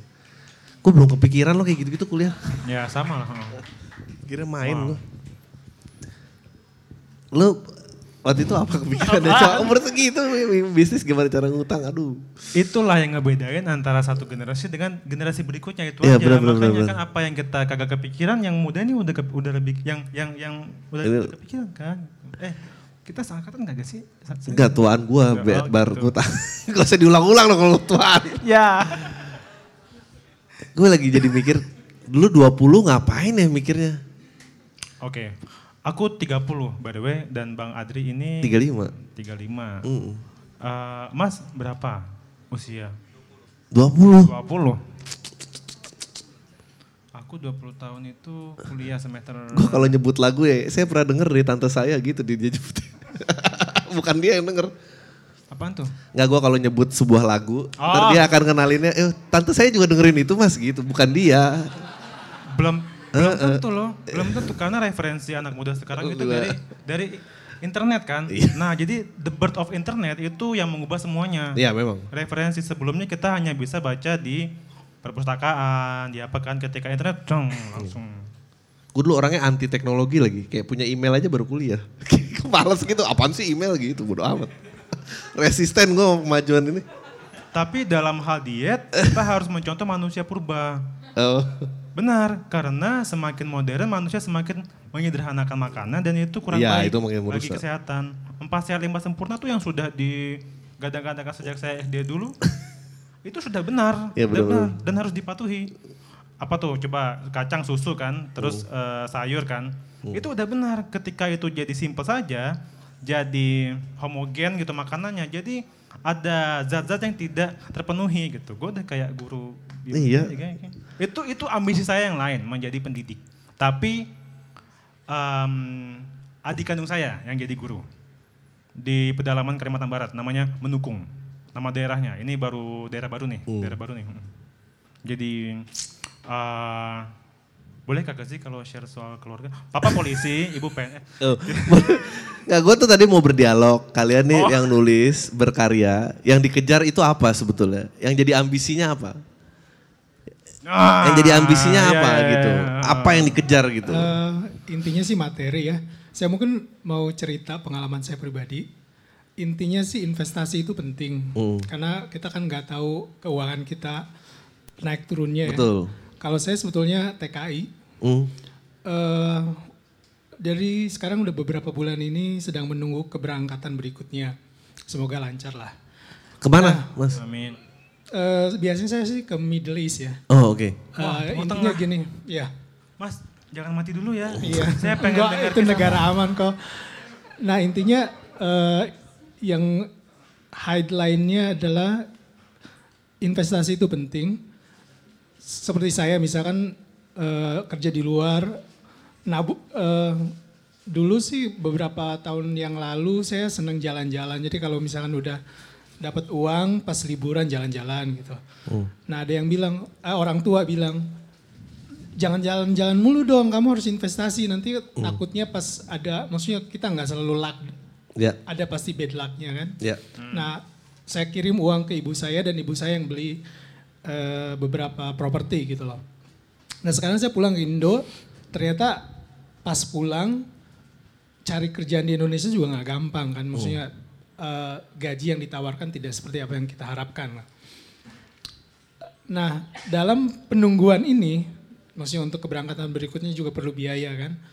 Tabungan sudah mulai agak bergoyang nih sekarang, udah mulai nipis. Saya bilang ke mama, maaf kayaknya propertinya harus dijual deh. Karena perlu untuk biaya hidup untuk beberapa bulan. Artinya pakai uang mama dulu lah sekarang. Nah itu tadi bahwa balik lagi bahwa ketika kita punya uang investasi itu penting. Mungkin kalau saya berangkat lagi dan punya uang saya insya Allah untuk ikut di program ini. Itu sih Oh, yang bisa saya amin. share. Luar biasa. Terima kasih. Yang lain ada yang mau share lagi dengan berkarya kalian apa yang mau di-achieve? Ngejar materi, ngejar fame, network kah? Tahu nggak apa yang harus kalian kejar sebenarnya? Cinta. Bener. Bener, bener, bener, bener. Kalau kagak percaya, coba buktikan sendiri. Kejarlah uang, kejarlah Ya. ketenaran, kejarlah followers. Nanti suatu hari kalian akan sadar bahwa bukan semua itu jawabannya. Ya. Jim Jim Carrey Betul, Jim pidato kelulusannya Jim Carrey itu bilang gitu. Gua harap semua orang tuh terkenal dan kaya biar mereka tahu bukan itu jawabannya. Dia dia dia cerita eh, tentang ayahnya yang eh, waktu itu dia bilang orang yang paling lucu pernah saya temui dalam hidup saya itu ayah ayah saya. Tapi tuntutan hidup, nah, hard facts of life lagi nih tuntutan hidup. Eh, tuntutan Fakta hidup, eh, tuntutan kehidupan. hidup memaksa dia untuk mengambil pekerjaan yang aman untuk menafkahi keluarganya. Sampai di, di, tau- di umur ayahnya 40-an, beliau dipecat dan kehilangan semuanya. Dan nasihat beliau yang paling saya ingat adalah, kalau ternyata main aman ada resikonya, mendingan kejar aja yang kalian percaya sekalian. Luar biasa kan itu dan dia ngomong kayak gitu. Iya, kalau mimpi pun jangan nanggung-nanggung. Betul. Gitu. Kejar aja sampai ke batas semesta coba. Tahu kagak apa batas semesta? Nggak ada. Kalau kamu bisa dengan satu cara men- menarik garis lurus dari bumi sampai angkasa luar sampai terus lagi, kamu akan balik lagi. Kebayang nggak? Gelombang ininya. Jadi untuk dinding itu nggak ada. Dinding itu Nah ini baca ini, nanti baca Pak Stephen Hawking. Nah, tadi udah Albert Einstein, Stephen Hawking, Richard Dawkins. Kita ngomongin quantum physics nih kita ke mana-mana. Ya, ya. Quantum fisik di tingkat mikro. Ya. Kalau ke kalau ke ultra makronya nanti balik lagi. Ya. Nonton film nggak interstellar? Interstellar, interstellar. Ya itu itu itu kan sampai ke 4D balik lagi ke tembok kan itu kan fiksi kan. Tapi sebenarnya ya kira-kira kira-kira begitu sih. Mari kita sambut sama-sama Bapak Dirjen Wah, ini DJ PPR Dirjen Pak. Luki Alif Yes. Alfir Rahman. Pak Luki. Pak Luki. Mantap dah. Selamat datang Pak. Halo. Bara Pak, silakan Pak. Boleh lewat sini Pak. Tengah aja, Pak. Tengah aja Pak, tengah aja Pak. Ya, Pak. Luki. ah. Saya harus pakai bawa ini nggak tahu isinya apa nih. Yang pasti Ini, bukan Pak. miras Pak istinya Pak. Yang muda yang bicara Pak, kita bertiga muda semua nih Pak. Saya juga muda. Oh muda, iya. muda, dong. muda. Iya. Jadi tahun depan NBA dukung siapa Pak? Waduh. Dengan banyaknya change of power. Langsung ditutup. Nah, Pak. saya tadi Q-nya katanya basket. NBA ini, ini seru Ya, banget. Gua, basket, basket. saya penggemar OKC Pak, saya sakit hati. Russell Westbrook pindah. Udah nggak punya siapa-siapa OKC, nggak tahu harus dukung siapa ini. Oke sih cloud aja deh. Aduh. Paham gak kalian basket? Pak Luki jago basket. Tadi kita udah banyak ngobrol Ya. Pak tentang ya generasi yang lebih muda lebih banyak eh, meminati bidang-bidang kreatif. Semua banyak tendensinya menjadi pekerja lepas gitu ya. Pengeluarannya tetap tapi pendapatan yang nggak tetap gitu. Nah pendapat Bapak sendiri gimana gitu ngeliat kita yang muda-muda kayak gini. Tapi kayaknya tadi kita sempat bahas juga bahwa ya emang ini global trend gitu bahwa semua menujunya kreativitas gitu. Oke, eh, terima kasih ya. Ini diskusi yang menarik. Eh, yang pasti zaman itu berubah. Generasi saya dulu misalnya dibilangnya generasi kolonial itu berbeda.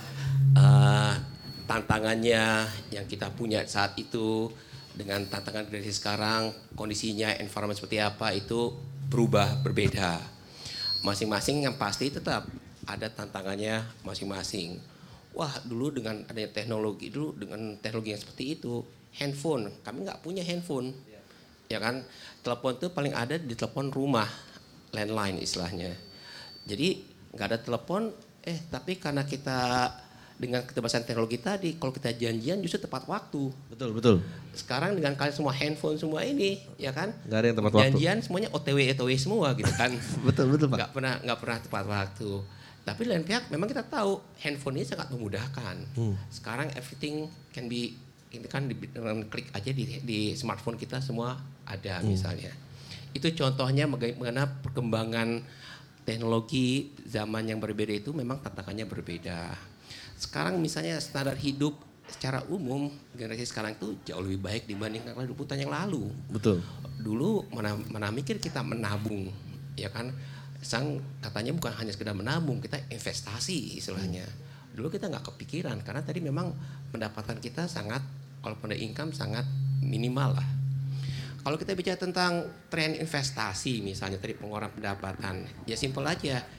Idealnya kalau pendapatannya cukup kita kemudian kita ada sisi pengeluaran. Pengeluaran itu kita bedakan. Ada yang namanya kebutuhan, ada yang namanya keinginan, needs and wants. Ya kan? Needs itu yang memang kebutuhan basic sifatnya. Harus kita butuh itu untuk bisa hidup, bisa bertahan hidup. Tapi jangan salah juga, standarnya pun berbeda-beda. Kalau dulu misalnya kita bicara tentang namanya pangan sandang papan. Harus punya cukup makan, ada punya pakaian, ya punya tempat tinggal juga. Itu standarnya. Sekarang kembali lagi nih pulsa ini needs apa wants ya kan? Loh kok sekarang pulsa ini udah jadi kebutuhan dasar seolah-olah gitu kan? Ada pergeseran. Tapi kembali lagi dasarnya ada sama bahwa kita harus bedakan dulu pertama apa yang namanya needs apa yang namanya wants. Needs itu yang harus kita penuhi dulu. How to survive untuk bisa survive itu harus dipenuhi dulu needs-nya. Nah idealnya idealnya nih income kita harusnya bisa minimal menutupi needs minimalnya. Tapi needs-nya jangan gede-gedein juga. Ya kan Eh, pulsa 100 ribu, pulsa 1 juta, ya kan itu udah udah makin blur nih, udah makin nggak jelas. Nah baru kemudian kita bicara tentang namanya investasi. Ini ada perubahan mindset nih. Kalau dulu itu seolah-olah tadi menabung atau investasi itu sifatnya residual ngerti nggak? Jadi kita ada pendapatan, udah kita belanja, eh ada sisanya kita tabung deh, Betul. ya kan? Ini perlu ada perubahan mindset bahwa sekarang itu loh kita investasi. Artinya apa? Dari awal kita udah set aside nih, udah kita sisihkan apa yang akan menjadi kita akan kita butuhkan di masa mendatang. Betul. Dan itu akan sangat membantu karena kita bicara tentang time value of money. Kita tahu ada kebutuhan di depan nanti masa depan pendidikan misalnya. Ya kan? Kita tahu itu kita butuh untuk itu. Oh kita nanti akan berumah tangga. Kita tahu akan butuh itu, ya kan? Dari sekarang kenapa nggak kita mulai sisihkan, ya kan? Makanya tadi terminologi menabung dan investasi ini udah udah berbeda nih sebetulnya. Tujuannya kita udah berinvestasi. Satu lagi yang nggak kalah pentingnya kita ini manusia selalu menghadapi ketidakpastian. Betul. Oke, jangan salah ya amit-amit ya kan bahwa kalau kita sehat terus, kita selamat terus, alhamdulillah. Tapi anything can happen. Jadi ada bagusnya juga kita juga mulai menyediakan payung namanya emergency, ya kan? Membeli asuransi contohnya. Kalau ada perus kalian kerja perusahaan yang asuransi kesehatan, alhamdulillah. Tapi kalau kita nggak bisa nggak ada itu ya sudah ada bagus sudah bagusnya itu membeli asuransi, ya kan? Atau at least kita emergency emergency fund lah sifatnya Betul. itu mungkin yang tip-tip yang memang harus kita mulai pikirkan uh, adik-adik sekarang generasi muda itu harus mulai pikirkan dari sekarang. Kebetulan, bukan kebetulan, yang saya sampaikan tadi, standar hidup, level of income, saya bisa bilang itu generasi sekarang itu jauh lebih baik dibandingkan zaman saya dulu 23 tahun yang lalu misalnya. Iya kita juga tadi sempat ngebahas bahwa eh, yang paling mengerikan dari artis gitu atau pekarya gitu ya, ya jadi starving artis ya kan gitu. Siapa yang mau jadi starving artis? Kita pengen karya kita tuh bisa terus jalan. Tadi baru juga sebut mention. eh, oh tumblernya. Eh, sempat mention bahwa ketidakpastiannya banyak gitu ya. Eh, kadang laku, kadang tidak laku. Kadang makin jauh berkarya juga relevansi terhadap yang muda makin jauh gitu. Jadi emang harus di-create tuh net-net itu mulai dari sekarang ya. Ya itu tadi uh, bagaimana akhirnya kita mencari yang apa disebut keseimbangan lah, ya kan? Ya kita mau hidup di masa sekarang, wah kita ada income kita spending semua bisa juga, itu satu pilihan juga. Tapi kita bilang ya kita juga mulai concern juga dengan masa depan kita, termasuk tadi menghadapi ketidakpastian. Artinya kita sudah harus mulai memikirkan masa de- masa depan emang akan selalu selamanya single. Oh kita akan berumah tangga. Emang berumah tangga nanti cuma berdua doang. Nanti punya anak gimana, ya kan? Atau nanti kita pikirkan, ah gimana ntar rezeki nanti datang sendiri deh. Ya nggak bisa juga kita berpikir seperti itu. Mulai mulai mengantisipasi. Kalau hubungannya yang pengelolaan yang dilakukan terhadap negara itu bagaimana Pak? Yang pengeluarannya lebih besar daripada pendapatannya? Nah ini kan level kalau pelaku ekonomi itu di teori ekonomi itu ada tiga. Ada namanya individu atau kita bilangnya rumah tangga. Ada level namanya perusahaan bisnis. Ada level negara. Itu namanya pelaku ekonomi. Nah ada berapa kesamaan tapi ada perbedaannya juga. Ya kan? Kesamanya ya sama-sama kita mengolah keuangan. Ini ada keuangan rumah tangga, ada keuangan negara. Sama-sama unsurnya satu pertama berapa sih pendapatannya, income-nya, ya kan? Kalau tadi eh, individu ya ada income-nya. Eh, kalau negara itu kita bilang namanya revenue, pendapatan dari pajak misalnya. Eh di sisi lain kita ada sisi belanja, ya kan? Kalau tadi kita sekedar tadi bayar kontrakan, bayar grab, itu kan spending belanja individu kita. Tapi kalau negara sifatnya belanja pemerintah, belanja infrastruktur, belanja pendidikan, belanja bantuan sosial, belanja gaji pegawai, itu belanja. Ya simpel juga nih. Jadi kalau di uh, keuangan pemerintah itu, keuangan negara itu ada satu lagi komponennya kalau ternyata belanja kita lebih besar dari penerimaan, kita kan mengalami apa yang disebut defisit. Ya kan defisit itu artinya harus ditutupi dengan pembiayaan, financing.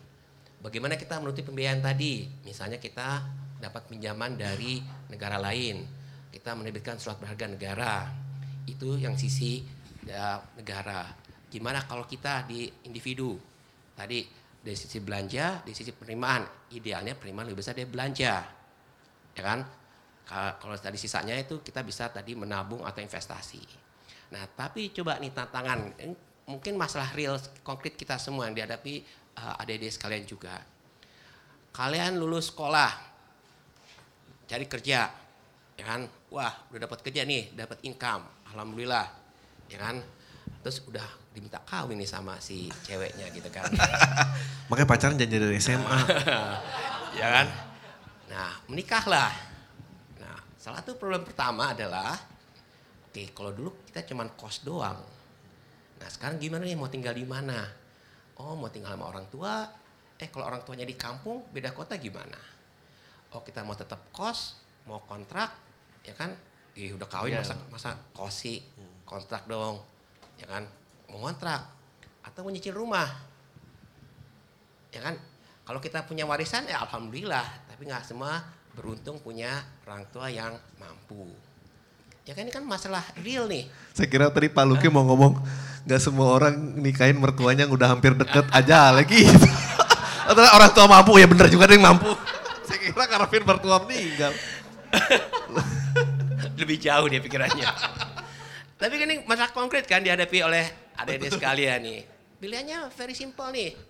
Mau kontrak, kalau kontrak apa sih? Kita uangnya habis, ya kita dapat tadi servis dalam bentuk jasa kontrak tadi, kita tinggal di rumah tertentu. Atau kita mau nyicil, ya kan? Nyicil itu kita bayar, eh at the end tapi rumahnya jadi milik kita loh. Iya, betul. Ya kan? Nah, gimana nih? Apa yang mau kita putuskan? Ya kan, kalau namanya nyicil, ya itu berarti kita utang sebetulnya. Hmm. Ya kan? Nah, atau gini juga, tadi baru kawin, aduh handphone gue udah lama nih, kelamaan nih, pengen beli iPhone yang baru, ya kan? Ah, bisa nyicil nih, ya kan? Pakai cic- cicilan, bisa juga, ya kan? Jadi intinya adalah ini tipsnya nih sebetulnya. Kita akhirnya nimbang-nimbang. Ya at the end tuh akhirnya kita kan yang jadi pertimbangan adalah apa kegunaan barang tersebut. Hmm. Kita bilangnya ini apakah barang ini untuk suatu yang produktif, less produktif, atau malah sangat konsumtif sifatnya. Kan? Jadi rasional atau uh, pembenaran justifikasi kalau kita ingin berutang salah satunya adalah kita make sure bahwa itu untuk kegiatan yang memang produktif. Ya kan? Tadi kok hanya sekedar buat kegayaan beli handphone beli smartphone kan? Hanya sekedar kita mau beli baju biar gaya aja atau sekedar utang buat kita buat ngafe doang itu kegiatan yang sangat konsumtif Nah justru kita akan membebani kita makin lama makin utang itu makin menumpuk ya bisa akhirnya backfire ke kita. Itu masalah real yang soal yang kita hadapi di masalah level individu. Demikiannya level perusahaan.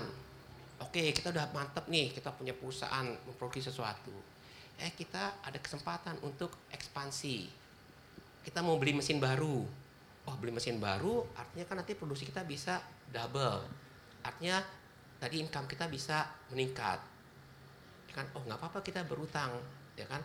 Itu tadi namanya bukan berutang investasi kita lihatnya kita cicil dari mana? Dari income yang kita dapat di future-nya tadi di masa depan hasil dari produksi yang makin meningkat tadi. Ya kan? Untuk kegiatan produktif. Sama juga dengan negara. Ada sisi belanja ada sisi penerimaan. Oh kok belanja lebih besar lebih dari penerimaan gimana nih Tanda kutip kan berutang juga nih. Nah kembali lagi kata kuncinya adalah investasi atau kegiatan produktif. Misalnya nih, namanya kalau kita negara bedanya kan ini kita ada antar generasi nih. Namanya utang itu akan dibayar dari pajak di masa depan. Bener nggak? Iya betul. Kalau defisit sekarang kita utang akan dibayar oleh pajak di masa depan. Nah kembali lagi kalau untuk kegiatan konsumtif misalnya kalian setuju nggak ada subsidi BBM? Apa sih subsidi BBM? Artinya BBM itu harusnya harganya 10.000 kita subsidi jadi harganya 7.000, 3.000 ditanggung oleh pemerintah. Oke. Satu, apa sih masalah dengan subsidi BBM seperti itu?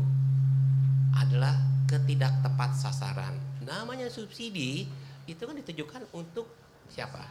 Ya. Orang yang membutuhkan Butuh. atau orang nggak mampu. Nah kalau kita bikin subsidi BBM atau BBM bersubsidi, siapa yang mengkonsumsi? Itulah pemilik mobil atau even pemilik motor yang dikategorikan orang mampu. Ya kan? Jadi secara konsep tuh, secara konsep namanya studi BBM itu itu tidak tepat sasaran. Oke. Yang kedua, kalau kita melihat subsidi tadi, siapa yang menikmati subsidi tadi? Generasi sekarang. Tapi nanti yang membayar generasi mendatang anak cucu kita. Nggak fair. Beda kalau uangnya itu tadi untuk misalnya pendidikan. Ya kan? Look, kalau sekarang nih kita buat pendidikan generasi sekarang, kita pendidikan itulah investasi. Dan itu akan dinikmati nanti 10 tahun, 20 tahun ke depan. Ekstrimnya seperti ini. Bedanya kalau nggak ada investasi pendidikan, anak ini cuma lulus SD doang. Kita investasi pendidikan, termasuk pendidikan beasiswa, anak ini bisa jadi lulus kuliah.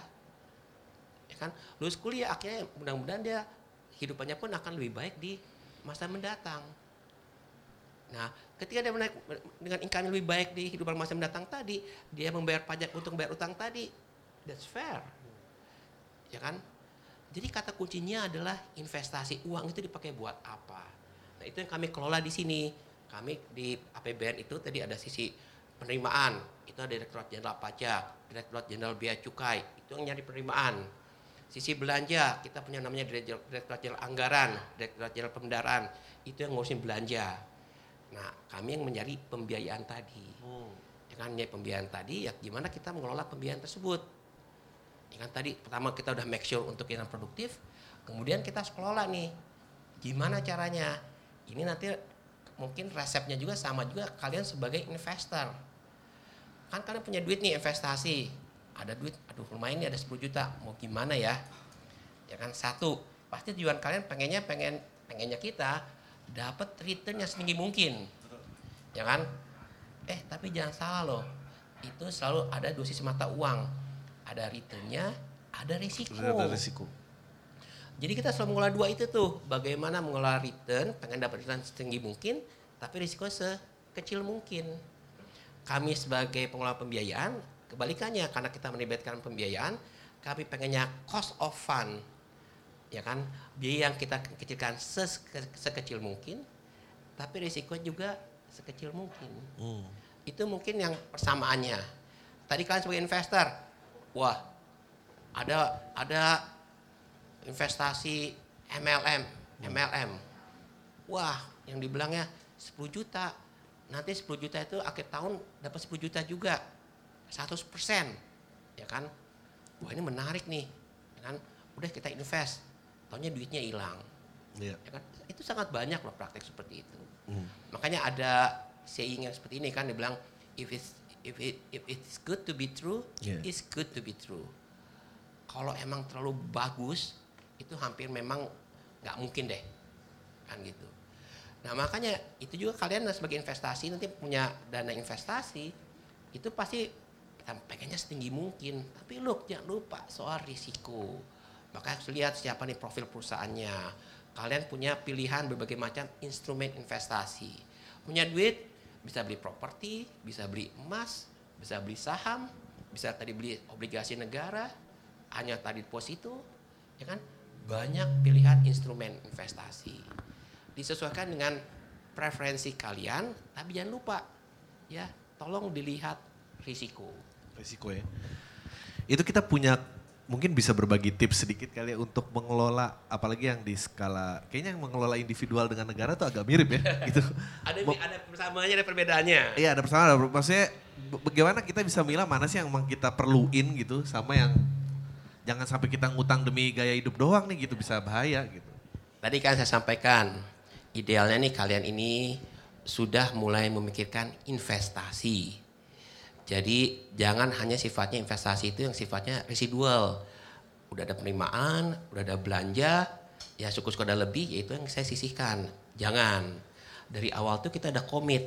Saya butuh investasi karena saya ini yang akan saya tuju ini saya seperti ini. Saya butuh dana pendidikan, saya butuh dana buat kawin dan seterusnya misalnya.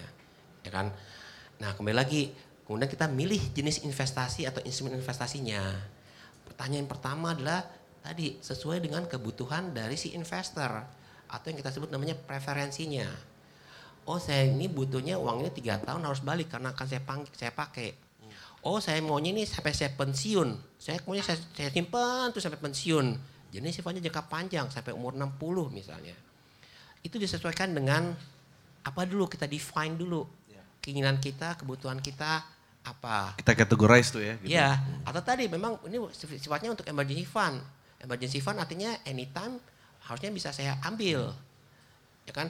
Kalau buat saya misalnya gawe tetap gawe negeri gini, mungkin stream of income saya itu lebih stabil. Tapi tadi kalau porsi seperti artis tadi mungkin wah itu kayak roller coaster bisa ups and down misalnya. Ini gimana nih? Ya kan? Ya. Tergantung dari preferensinya. Baru kemudian kita lihat instrumen investasi masing-masing. Lihat kata apa karakter- karakteristik dari instrumen tersebut. Properti tanah.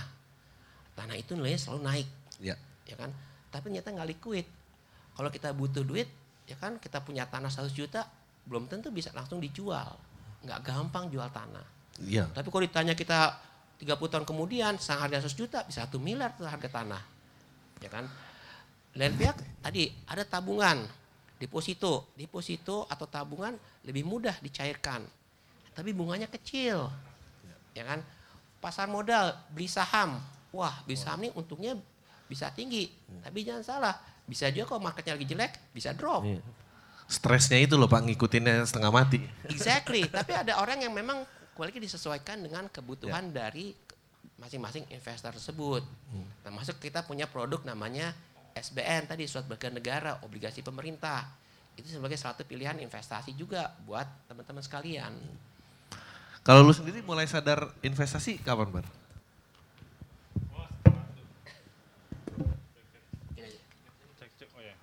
Makasih ya, ya. Ketika akan berkeluarga, Oh. Mulai mulai hidup gak sendirian ya, emang bener sih.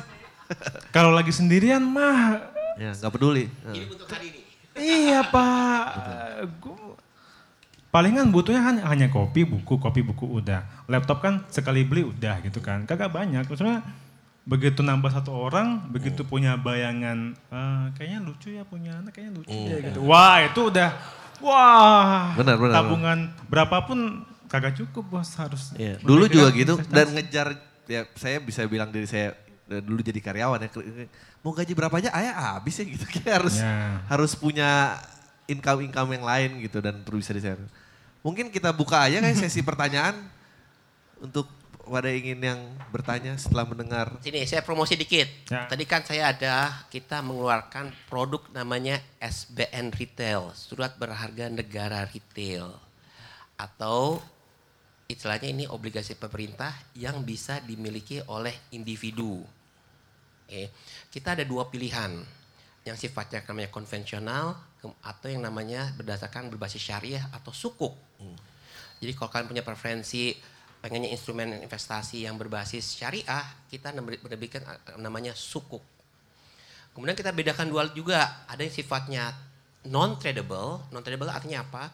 Untuk masa waktu tertentu dua tahun itu nggak boleh diperjualbelikan, jadi ditaruh aja di sana. Bagi ini kan sesuaikan disesuaikan dengan preferensi kalian nih. Tapi kita juga punya instrumen yang yang tradable sifatnya, bisa diperdagangkan. Jadi kita punya namanya sukuk retail. Sukuk retail adalah sukuk yang tradable, bisa diperdagangkan. Kita punya sukuk tabungan, itu adalah sukuk yang non tradable, selama 2 tahun disimpan. Oke. Kemudian kita punya ori, itu adalah unconventional tradable. Satu lagi SBR, saving bank uh, retail itu yang sifatnya non tradable. Kita melakukan imbal hasil. Kemarin kita menerbitkan imbal hasilnya 7,4 persen setahun. Oke, 7,4 persen setahun. Nilai minimalnya berapa? Itu satu juta. Kelipatan satu juta, karena kita bicara tentang retail, maksimumnya itu 3 miliar. Nah ini yang luar biasa. Kami sekarang kalau dulu mau beli suku retail misalnya SBR atau SBR, itu kita harus ke bank. Ya kan, kita mau beli suku retail, gimana caranya? Sekarang, kembali lagi nih, menyesuaikan dengan generasi millennials. Semua bisa dilakukan lewat smartphone. Oke, se- kita sudah punya platform online, kita kerjasama dengan namanya mitra distribusi, ada bank, Mandiri, BCA, bank asing DBS misalnya, ada fintech, ada kayak modalku, eh, eh, apa, investri, Semua itu kalian bisa akses ke sana. Kemudian kita tinggal tadi semua mudah karena semua lewat secara online. Bayarnya pun secara online dengan e-banking misalnya atau mau ke ATM pun bisa. Semua lewat semua secara mudah lewat platform online. Jadi itu juga pilihan investasi, instrumen investasi untuk kalian. Jadi satu, ini aman. Karena apa? Ini produk pemerintah, dijamin dengan undang-undang. Insya Allah nggak pernah default. Tadi kalau yang abal-abal dan sebagainya itu, insya Allah ini aman. Yang kedua, tadi imbal hasilnya menarik, 7,4 persen yang terakhir. Dan kita namanya ini floating with floor. Artinya apa sih? Kita punya acuan ke suku bunga BI. Kalau suku bunga BI-nya turun, kita nggak tetap 7,4 persen. Itu makanya ada ada minimum floornya. Tapi kalau suku bunganya naik, suku bunga BI-nya naik, misalnya 25 basis point, 0,25 persen, eh kita naik juga 25 basis point, jadi 7,65 persen misalnya. Menarik bunganya. Ketiga, mudah tadi, semua dilakukan lewat platform online. Nah terakhir nih, kalau kalian misalnya tadi pilihannya, oh beli saham, ya udah mungkin pertimbangan sangat komersial, lihat profitnya, lihat keuntungannya.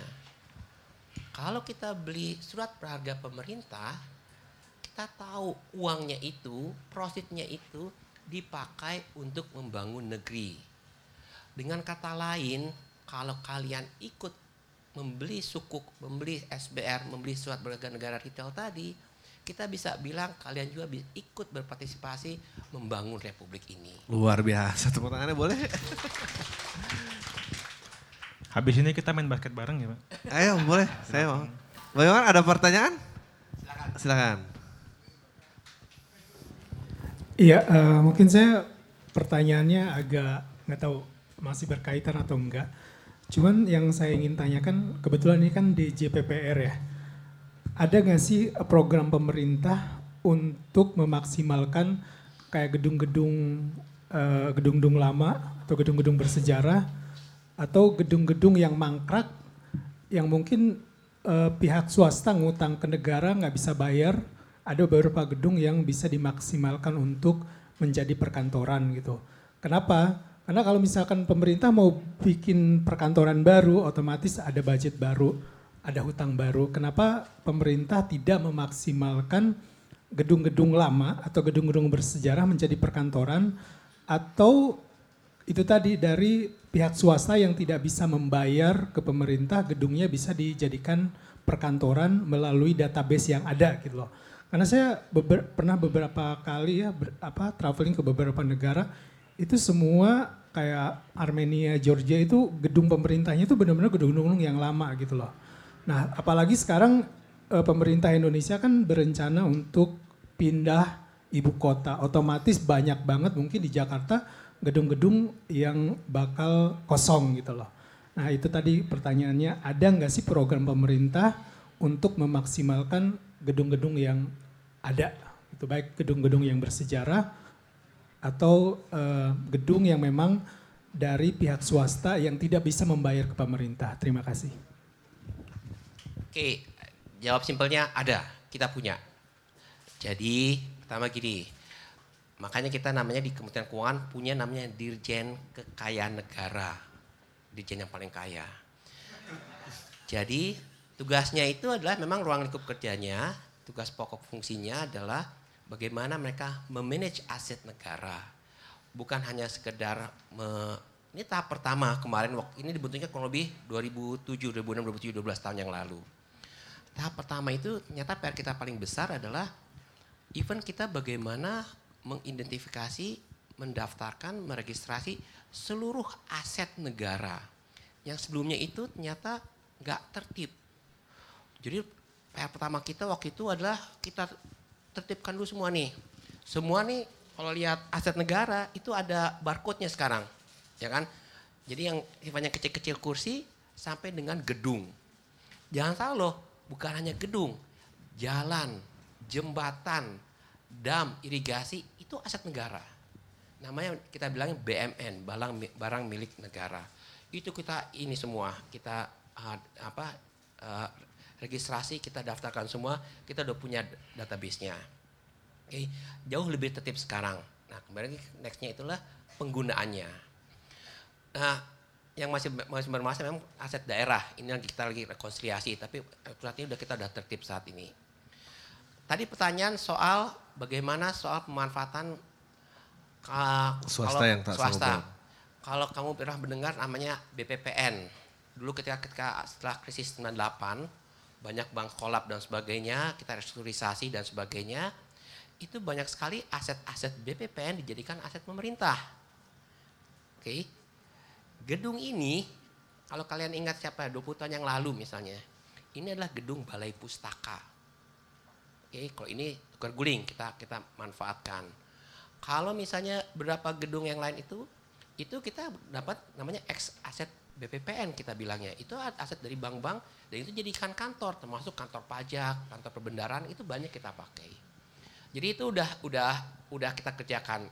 Jadi sekarang juga kalau misalnya di dijadikan negara juga namanya punya kantor lelang negara. Salah satunya tadi kalau kita misalnya ada utang piutang termasuk mereka nggak mau bayar pajak misalnya itu nanti di lelangnya itu lewat lewat situ kita manfaatkan. Kemudian pemasangan gedung-gedung tua ini juga luar biasa heritage. Kalau kalian ke sebelah lapangan Banteng itu ada gedung Kementerian Keuangan yang bagus sekali itu namanya gedung Dendels. Kita bilangnya gedung Dendels. Tahu kan yang putih depan lapangan Banteng itu? Ya. Itu dulu kantor. Oke, itu memang kita pakai sebagai kantor. Cuman kan kita ingin memelihara ke heritage-nya tadi dan memang kualitasnya itu tanda kutip menurun dalam artian kalau kita pakai kantor malah jadi bebannya berat. Makanya sekarang kita lagi memproses gedung Dendels tadi itu sebagai museum. Oke, tapi kita manfaatkan. Nah, kalau lihat gedung-gedung sekitar Monas itu, itu masih kita pelihara kan. Bukan hanya museum nasional, di situ ada gedung Kemen- Kemenhan misalnya, itu kan masih pakai gedung Betul. yang lama. Kita pelihara. Jadi kita juga kalau eh, untuk gedung-gedung lama kita coba utilisasikan, manfaatkan, maksimalkan, tapi lebih justru kita tujuan utamanya me- melestarikannya, melestarikan dulu. Kalau memang bisa dipakai kita pakai, kalau nggak tadi kita convert jadi museum. Oke. Satu pertanyaan lagi? Ya. Eh, selamat siang Pak. Eh, mau tanya, ini kan sekarang eh, defisitnya diperkirakan 30 persen Pak. Eh, anggaran APBN. Kira-kira DJPPR akan mengeluarkan eh, menutup itu berapa persennya gitu Pak? Berat ya untuk diskusi pagi ya, ini luar biasa loh. Dari tentang mau berkarya ke mana-mana ini. Oke, kita lihat APBN kita. Ya ini tak kenal sama kata sayang. Tadi saya bilang APBN itu ada tiga komponen. Satu penerimaan, satu belanja. Kalau misalnya belanja lebih besar dari penerimaan, kita defisit, kita ada pembiayaan. Besar APBN kita itu tahun ini kurang lebih hampir mencapai 2.500 triliun duit semua. Oke, 2.500 triliun itu APBN kita. Ya kan? Itulah ukuran belanja kita. Kurang lebih penerimaan kita berapa di sisi penerimaan? Penerimaan itu tadi dari pajak, dari biaya cukai. Kita namanya punya penerimaan negara bukan pajak, PNBP, dari royalti, dari dividen dan sebagainya. Kita kumpulin semua. Kurang lebih itu hampir 2.200 triliun kurang lebih. Jadi defisit kita itu kurang lebih saat ini untuk tahun ini angka tepatnya mungkin 296 triliun defisit dari APBN kita tahun ini. Nah ukurannya apa sih? Kita di Undang-Undang Keuangan Negara disebutkan kalau nominal itu kan relatif. 300 triliun itu besar apa kecil sih? 100 triliun itu besar apa kecil sih? 1000 triliun itu besar apa kecil sih? Kemudian kita cenderung membandingkan dengan negara lain, ya kan? Amerika gimana? Jepang gimana? Negara Afrika gimana dan seterusnya. Makanya kita selalu normalisasi melihatnya dengan kemampuan kita membayar. Karena kita bicara dengan tentang negara, makanya salah satu ukurannya adalah kita pakai namanya PDB, produk domestik bruto yang merupakan refleksi dari ini loh, ya kan kemampuan ekonomi negara ini. Oke. Nah, jadi Makanya kita lebih comparable. Kalau buat Amerika 300 triliun itu nggak ada apa-apanya. Tapi 300 triliun itu dibandingkan negara kecil kayak even kayak Kamboja aja udah masif sekali, udah besar sekali. Nah makanya untuk fairnya kita harus membandingkan dengan tadi dengan PDB tadi. Apa ukurannya? Satu, keuangan negara kita bilang untuk defisit APBN itu maksimum 3% dari PDB. Gak boleh lebih besar dari 3% PDB. Kita dibolehkan, ya kan? Tadi belanja kita lebih besar dari penerimaan, tapi nggak boleh gede-gede. Maksimum 3% dari PDB setahunnya. Saat ini kita berapa? Tadi angka 1 256 triliun tadi itu kurang lebih 1,8 persen PDB. Masih jauh dari uh, batasnya yang dibolehkan. Kembali lagi, bukan hanya soal bicara uangnya, tapi benar tadi itu buat apa? Buat apa, betul. Nah, kedua, kita bicara tentang stok utang. Kan ini terus nih, tahun ini utang lagi, tahun depan utang lagi, tahun depan utang lagi. Wah, stok utangnya nambah terus gimana nih? Ya kan? Kita lihat juga nih, dibatasnya juga oleh undang-undang. Berapa batasnya? Stok utang itu nggak boleh lebih besar dari 60% dari PDB. Kenapa sih PDB? Ya tadi PDB itu ukuran besar kecilnya ekonomi. Kemampuan ekonomi tersebut menggerakkan ekonominya membayarnya nanti at the end. Kan gitu. Saya tanya nih atau saya sampaikan statistik. Oke. Ada nggak gambarnya di sini? Siapa sih yang punya utang terbesar di, di dunia? Itu ternyata Jepang. Berapa Jepang? 240 persen DPDB utangnya. Oke, 240 persen. Amerika berapa? Kurang lebih 107 persen dari PDB. Utangnya dia, stok utangnya dia. Indonesia berapa? Indonesia kurang lebih ada di kisaran 29 persen dari PDB. Thailand berapa? Thailand mungkin kisarannya ada di sekitar 42 persen dari PDB. Malaysia berapa?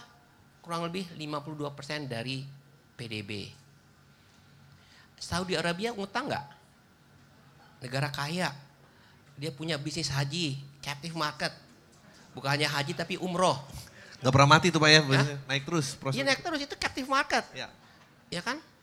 Ternyata Saudi Arabia pun punya berutang, sekarang stoknya ada sekisar, di kisaran 17% dari PDB. 17% dari PDB-nya Saudi Arabia. Rusia yang dibilang kaya minyak, dia mereka juga punya utang.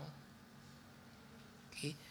Jadi kembali lagi, ya kita harus melihat keamanannya, kita jaga terus. Tadi makanya kok Indonesia saat ini baru 29% dari PDB. Masih sangat terjaga. Terjaga dalam artian apa? Kita masih dianggap mampu untuk membayar. Bayar betul. Ya kan? Tapi kembali lagi, tadi jangan, jangan lupa juga kita bukan hanya besaran utangnya, yang lebih penting lagi adalah bagaimana atau baga- utang itu dipakai buat apa. Itulah kita sebagai generasi muda harus kritis. Kita juga permintaan belum tentu benar terus loh, ya kan? Ini ya kalian harus kritis juga, ya kan? Jangan lupa APBN itu adalah milik kita semua. APBN itu dananya asalnya dari mana? Dari uang rakyat, dari pajak.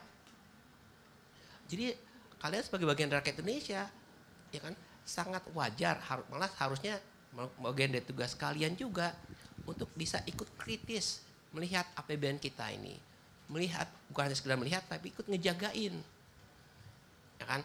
Jangan sampai APBN disalahgunakan. Kita make sure APBN tadi untuk yang kegiatan produktif. Itu yang tugas kita semua. Oke, eh, ini kita udah ditutup sesi pertanyaannya. Mungkin nih singkat aja dari Bara, dari Pak Dirjen bagaimana. Jadi kok anak muda bisa berkontribusi terhadap negara itu bagaimana? Singkat aja kita nggak usah banyak. Kalau buatku sih itu udah pilihan logis ya, konsekuensi logis. Kamu lahir di sini, punya KTP sini, cari duit di sini, kamu harus cintai negara ini lah. Iyalah, eh, ya itu sih satu. Terus kalau barusan dengar dari Pak Luki, artinya kita utangnya eh, kurang banyak Pak. Iya betul. Kita bisa lebih cepat lagi ya negaranya ya. Jepang men, Jepang. Itu robot kan Jepang. Banyakin utangnya kali 8, jadilah kita more than Jepang. Amin. Kalau dari Pak Luki bagaimana? Ini ya, Indonesia dari segi size of economy, kita itu saat ini nomor 16 dunia. Oke. Makanya kita jadi member G20, G20. Kita itu nomor 16 di dunia loh. Thailand, Malaysia itu nggak masuk G20. Dari ASEAN itu cuma Indonesia yang masuk. Oke. G20, nomor 16 dunia.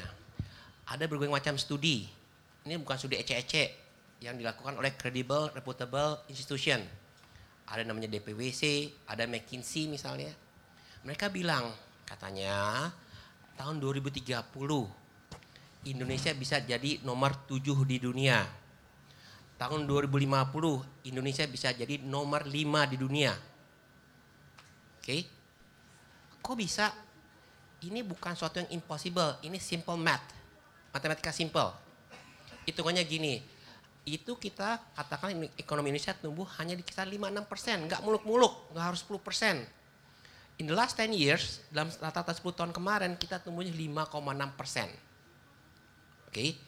ke depannya kalau kita bisa tumbuh di, di kisaran 5 sampai 6 persen, 2050 kita bisa jadi nomor 5. Kenapa? Karena negara lain di depan kita, di atas kita, itu mereka hanya mampu tumbuh kisaran 1 sampai 2 persen. Iya, sudah max ya. Mereka sudah mature, sudah hmm. udah udah tadi maksimum. Maksimum nggak bisa lagi. Jerman itu nggak bisa tumbuh di atas 5 persen misalnya. Betul. Jadi secara simple math lagi nih, simple math nih, kita itu sangat mungkin menjadi tadi nomor 7 menjadi nomor 5. Oke. Okay. Tapi kembali lagi kita bicara tentang potensial, potensinya. Kan next questionnya how. Tadi kan simple math-nya tadi kita harus bisa tumbuh 5-6 persen. Bisa nggak kita tumbuh 5-6 persen? Kita sangat berpotensi. Misalnya, oh laut kita ini kaya. Tapi kembali lagi, kalau ikannya nggak diambil ya tetap aja cuman potensi doang, nggak ada realisasinya. Nah ternyata ke depannya, ya kan kunci suksesnya itu adalah human capital, SDM. Kalau kita mau compete, tapi bisa tumbuh 5-6 persen, ada di SDM. Oke, okay. Sekarang kalian bicara tentang revolusi industri 4.0. Siap nggak sih kita? Kita ngomong artificial intelligence, kita ngomong apa big data, yeah. ya kan uh, apa cloud computing, you name it lah. Kita bisa catch up nggak? Oke, okay? itu baru satu contoh di teknologi. Nah, poin saya adalah tadi kaitannya dengan generasi muda. Nih, tugas kami, kami bentar lagi pensiun. 5-10 tahun lagi nih pensiun. Udah selesai masa kami. Justru tadi bagaimana Indonesia, bisa nggak kita membawa Indonesia, wujud Indonesia menjadi nomor 5 tadi, itu ada di tangan kalian nih generasi muda. Oke, okay? hmm. tugas saya, tugas kami adalah memfasilitasi, menyiapkan kalian supaya tadi benar-benar siap bisa bersaing dan bisa mewujudkan tadi Indonesia menjadi nomor 5 dunia dan itu sangat possible. Saya bilang tadi ini bukan yang impossible. Ya. Nah, untuk tadi bertanya tentang how-nya nih Pak, kita mau panggil dua orang yang punya gagasan mau realisasikannya bagaimana di 10 years future challenge. Silahkan Bu Ara yang manggil. Siapa yang mau? Siapa yang punya ide? Kita punya dua orang. Punya ide 10 tahun ke depan kita mau jadi apa? Menyampaikan gagasan di sini. Adri, Adri. Kalau saya Pak, saya nggak pernah cukup nomor 5 Pak, nomor satu dong Pak. Ambisi emang dia Pak, luar biasa Pak dia. Terus menurut saya teman-teman muda baca jurnal. Saya sukanya kedokteran, baca jurnal ekonomi. Di situlah hitung-hitungan Pak Luk itu ada tuh, tuh baca jurnal, tuh akses ke jurnal. Nah. Siap? Dua orang? Years yang maju? future challenge. Siapa yang pengen cerita bagaimana dirinya 10 tahun ke depan? Siapa yang dirinya ingin tahun. cerita 10 tahun ke depan? Saya mah. Ya. 40 Ini, tahun. ini pertanyaan yang paling sulit saya jawab kalau di HRD nih. Lima tahun lagi dipikir apa? Ya ampun. Lo mundur saya ya? pulang aja bingung gimana. Kurang visioner makanya jangan saya. Kalau saya udah kebayang dari usia 10 tahun. Saya mau jadi ibu JKR, John Kelly Rowling. Saya pengen jadi novelis, sudah kejadian dah. Itu harus tahu mau jadi apa. Ya. Yes, yes, yes. Ah itu tuh. Ada hadiahnya nih. Ada hadiahnya loh nih. Oke. Emang harus gitu ya? Hadiah. Tadi belum disebutin loh hadiahnya ada yang gitu. Tergantung dari isinya apa. Benar, benar, bro. Assalamualaikum warahmatullahi wabarakatuh. Selamat pagi menjelang siang. Pak Dirjen, terima kasih udah dikasih eh, kesempatan untuk bergabung di acara hari ini. Eh, sebelumnya saya terima kasih dulu karena saya salah satu yang merasakan eh, pemerintah memberikan pendidikan secara langsung beasiswa kepada eh, muda-mudi milenial seperti kita sekarang ini.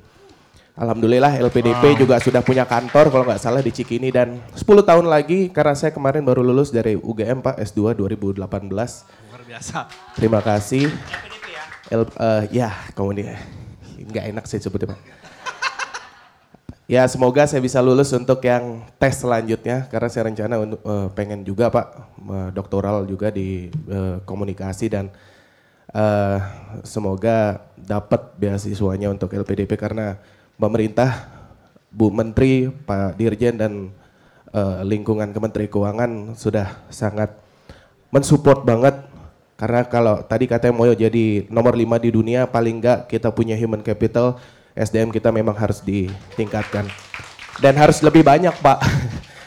Jatah. Ya. jatah LPDP-nya itu maksudnya Pak ya paling enggak tingkat ininya diturunin dikit lah Pak tingkat apa seleksinya Su- susah mas sumpah eh terus yang selanjutnya Pak eh karena dari pendidikan itu juga saya merasakan eh eh, apa namanya manfaat dari pembiayaan dari pemerintah.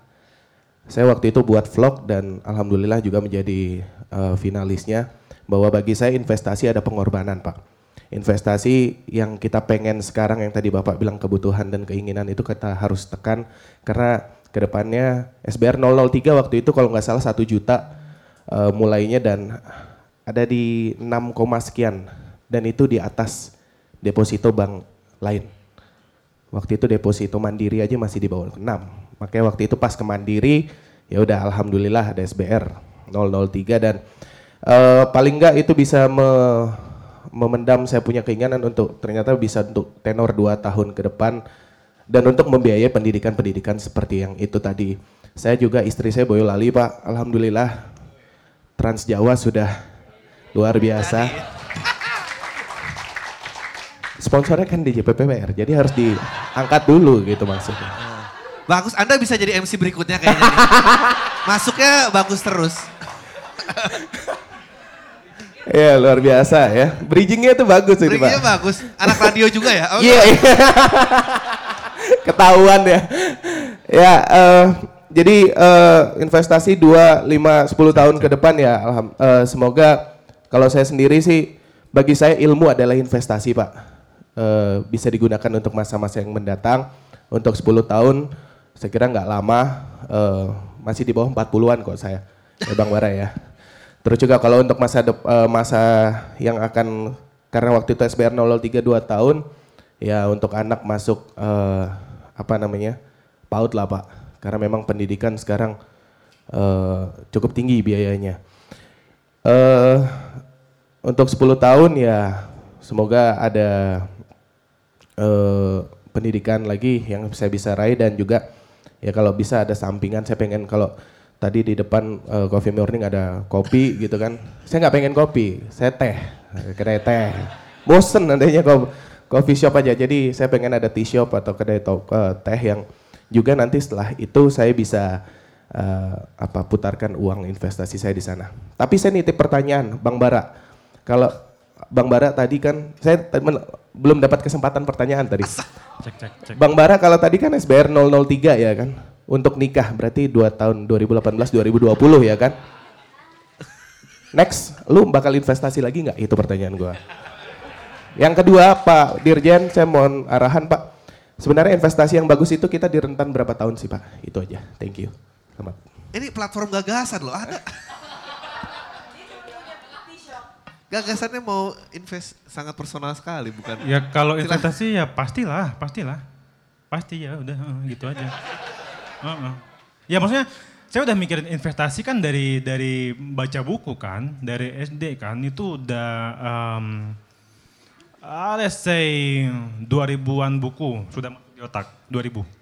2000 fiksi, non fiksi, eh, puisi, kumcer, novel, novela, eh, eh, terakhir ini jurnal gitu. Baru ke situ. Jadi ya itulah investasi saya, otak saya gitu.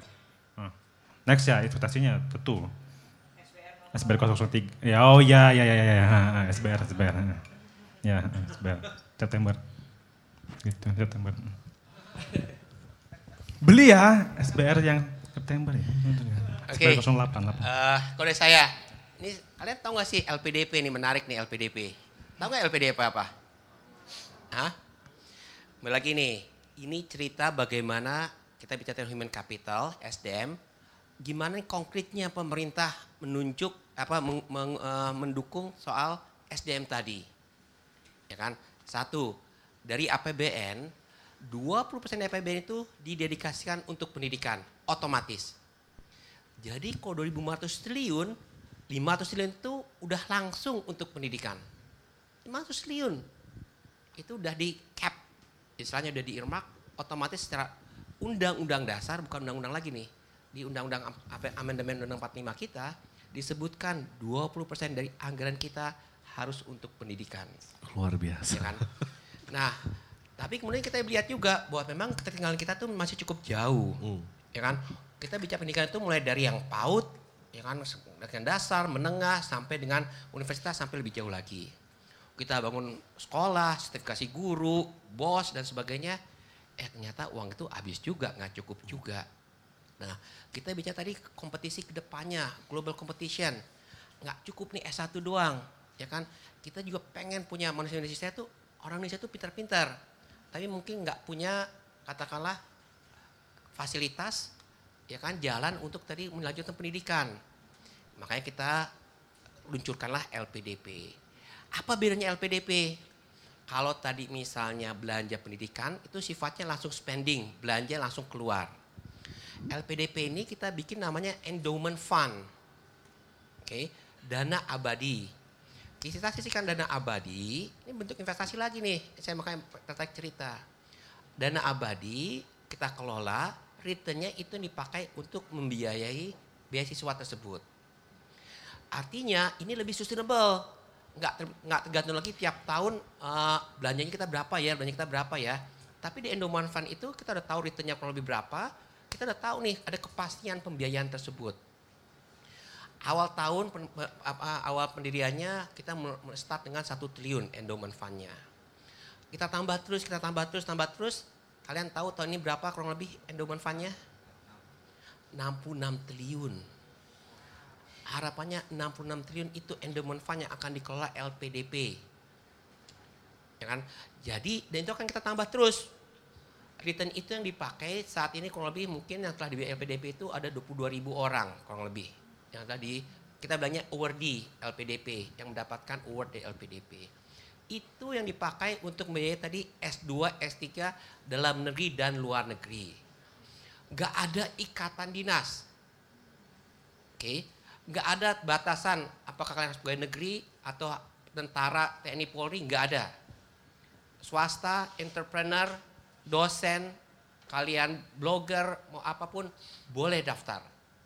Syaratnya cuma tadi kode tes dan sebagainya, kalian harus mengabdi ke Indonesia. Oke, nggak boleh kerja di luar negeri. Makanya ini kan kembali lagi dibayar oleh taxpayers, wajib pajak. Kita mau make sure bahwa ada kalian ber- berkontribusi untuk pembangunan republik ini di Indonesia. Tapi nggak ada ketandina apa nggak ada ikatan bahwa harus pegawai negeri, enggak. Makanya ini bentuk beasiswa salah satu bentuk beasiswa yang menurut saya sangat generous dan ini lagi bisa dimakan oleh kalian generasi muda tadi dalam rangka kita bagaimana mewujudkan lima besar tadi. Pertanyaan kedua tadi kalau horizon investasi, mungkin saya balik saya kembalikan dulu ya kan bahwa apa kebutuhan kita. Oke. Tapi kalau tadi SBR, SBR kan ada yang tadi yang non tradable itu dua tahun ya kan dia committed. Kalau yang tradable itu tiga tahun. Tapi itu kan bisa di roll over. Nanti dua tahun jatuh tempo, ya kan udah kita dibayar prinsipalnya, kemudian kita beli lagi kan bisa terus. Ya kan? Itu mungkin ada fleksibilitas di situ. Tapi yang non tradable itu ya kita nggak boleh diambil selama dua tahun. Tapi kita membayar premi yang lebih tinggi. Kalau yang tradable, anytime bisa diperjualbelikan, tapi returnnya lebih Rendah. rendah. Kembali lagi, dikembalikan kepada preferensi dari masing-masing.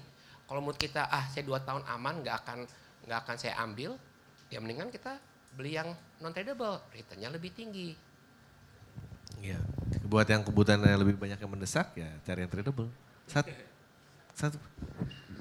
Anda lagi, Anda lagi. Karena Silakan, ada karena ada hadiahnya kan, betul. Iya. Jadi kalau kalau berbicara 10 tahun ke depan rencananya kan saya uh, akan berangkat lagi ke luar negeri, mungkin nabung investasi di sini di di DJ PPBR. Setelah itu setelah uangnya terkumpul, nabung terus saya akan buka bisnis. Kebetulan saya orang Pandeglang, jadi di daerah saya itu sumber airnya cukup bagus. Rencananya saya akan buka eh, bisnis perikanan. Jadi itu saya pikir lebih make sense lah untuk membuka bisnis perikanan seperti lele dumbo atau ikan mas lah itu itu cukup bagus. Itu sih rencana saya ke depan atau 10 tahun mendatang. Terima kasih.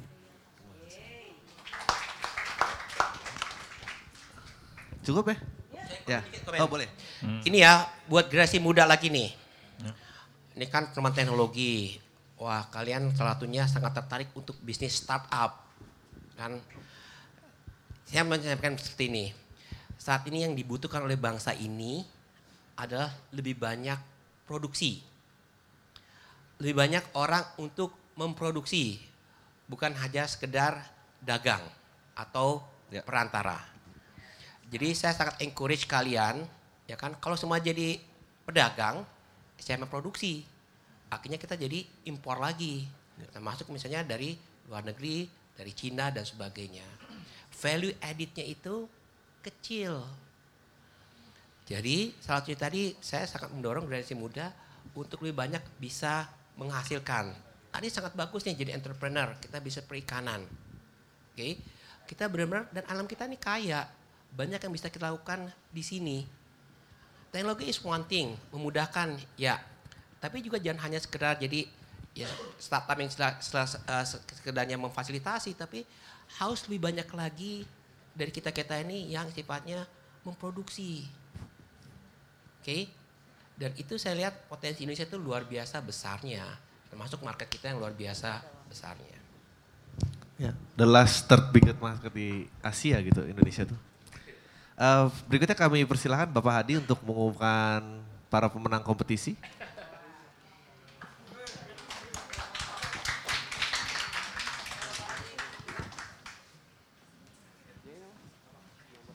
Baik, mohon izin Pak Dirjen, eh, Mas Adri, Mas Bara.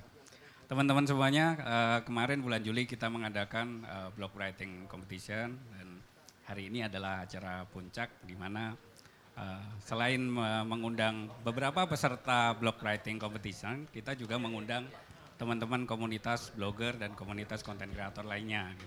Nah, kita blog writing competition selama 10 hari tanggal 20 sampai 30 Juli itu kita dapat peserta 70 orang. Tepuk tangan dulu dong. Dan dari 70 orang secara gender merata. 34 perempuan, 36 eh, laki-laki. Jadi eh, ternyata eh, senang menulis itu tidak hanya dimiliki oleh kaum pria saja dengan Mas Bara di sini atau kaum wanita saja ternyata cukup merata. gitu. Nah, kita umumkan langsung di sini.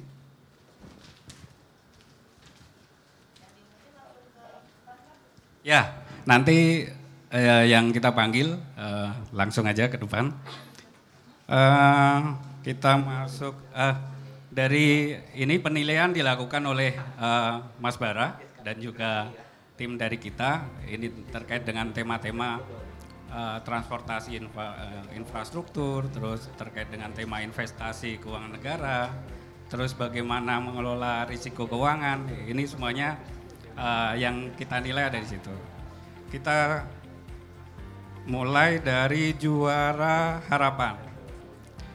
Ini diposting di Kompasiana dengan salah satunya yang menarik adalah mengutip bagaimana utang dinilai dari sisi agama dan ini bagus sekali. kita sambut ke depan Muhammad Fadel Dwi Nugraha dengan judul judul tulisan adalah catatan mahasiswa produktif mengubah utang menjadi gunung uang di zona perkuliahan. Luar biasa. Asalnya dari Bekasi ya Mas ya? Iya. Juara harapan selanjutnya eh, dengan judul tulisan investasi pada negeri, cara paling mudah berkontribusi untuk kemajuan Indonesia. Dengan pemenang Relinda Puspita, tapi izin Pak ini rumahnya di Bengkulu eh, karena satu dan lain hal tidak bisa datang. Kita teruskan ke juara ketiga dengan eh, ini cukup menarik, seorang perempuan dengan satu quotes yang yang luar biasa, rasio kesehatan utang penentu kebahagiaan seseorang. Ya, kita sambut ke depan eh, dengan judul tulisan Me Time episode 1 curhatan finansial si anak milenial Retno Septiorini dari Yogyakarta.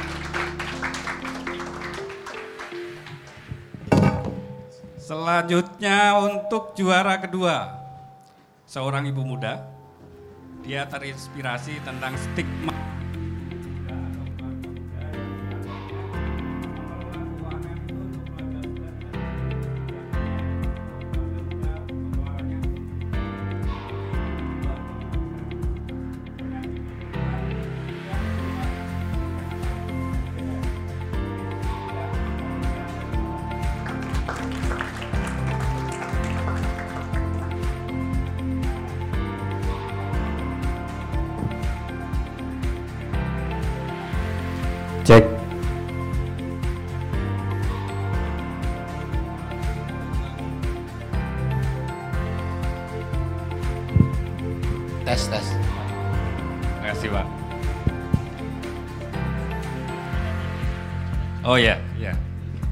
Nanti yang 10 Years Future Challenge boleh maju ke depan juga. Nah kita menuju juara yang kita nanti-nantikan, juara pertama. Ini sangat bagus tulisannya, yaitu dia mencoba mengkaitkan antara investasi tapi men- menceritakan dulu bahwa investasi di bidang infrastruktur MRT Pak diceritakan dikupas oh tadinya meragukan apakah infrastruktur ini tidak menghambur-hamburkan uang saja tapi setelah menulis dari pengalamannya MRT jadi ternyata sangat bermanfaat untuk masyarakat Jakarta dia tersadar bahwa investasi adalah hal yang sangat penting di, untuk kita di masa depan. Nah, dengan judul tulisan Mengapa Harus Pilih MRT, kita sambut pemenang kita Elsa Hayanin Lubis dari Medan. Silakan. Selanjutnya kita undang tadi yang uh, 10 Futures Challenge, uh, Mas. Silakan Mas. Kita undang juga uh, Oh iya, oh iya di notes ini dapat pesan dari panitia bahwa eh, nanti teman-teman ini kita harapkan adalah masuk ke komunitas saya muda, saya bicara. Jadi silahkan berbicara selama itu positif karena ini memang eh, bonus demografi Indonesia tidak akan eh, berguna tanpa teman-teman melakukan sesuatu. Ya, jadi kalau teman-teman konten kreator buatlah konten yang yang positif dan ini untuk kemajuan Indonesia di masa depan. Nanti akan mendapatkan kartu saya muda saya bicara dan kita akan berikan simbolis kepada peserta 10 Years Future Challenge. Gitu. Ya. Ya, kita eh, mohon perkenan Pak Dirjen untuk menyerahkan hadiah blog writing competition mulai dari juara harapan kepada Mas Fadel. Dapat sertifikat juga. Dan juara harapan mendapatkan hadiah Rp750.000. Selanjutnya juara ketiga Retno Septiorini dari Yogyakarta, jauh-jauh dari Jogja. mendapatkan hadiah uang tunai 1 juta rupiah dengan sertifikat kenang-kenangan dari DJPPR. Selanjutnya juara kedua Rizky Indah Karunia dari Malang.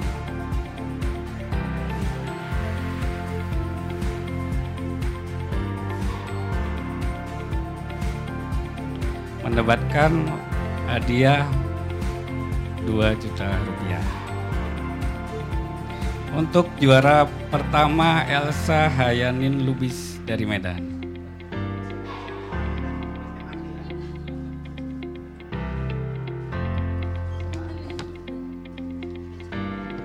Mendapatkan hadiah 3 juta rupiah.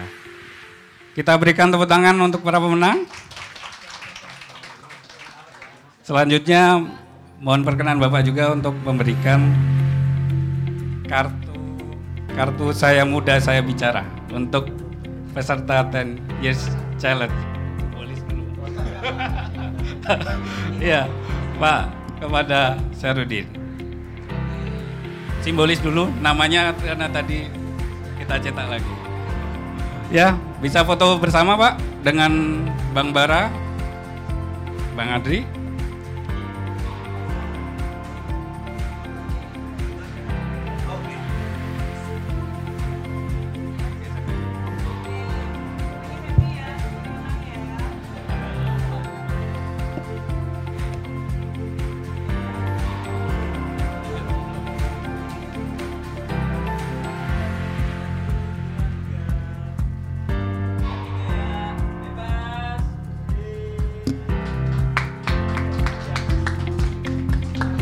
Oke, terima kasih Pak Dirjen. Saya serahkan kembali ke Bang Adri. Oleh karena itu kita akhiri acara hari ini. Terima kasih atas antusiasmenya dan juga kesediaannya untuk bergabung dengan komunitas Saya Muda Saya Bicara. Saatnya yang muda untuk lebih berbicara. Jangan lupa baca buku yang banyak. Banyak buku yang banyak. saya Adriano Kalbi, saya mohon pamit. Assalamualaikum warahmatullahi wabarakatuh. Kita foto bareng dulu ya sekali ya.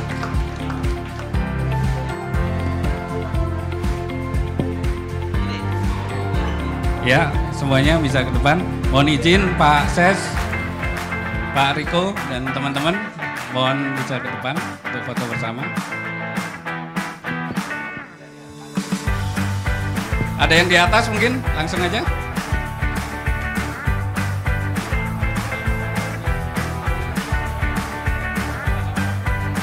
Ayo, ayo.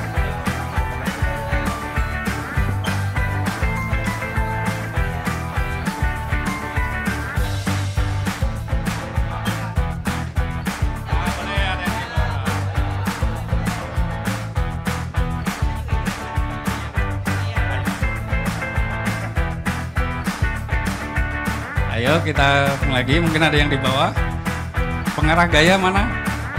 Megan pengarah gaya.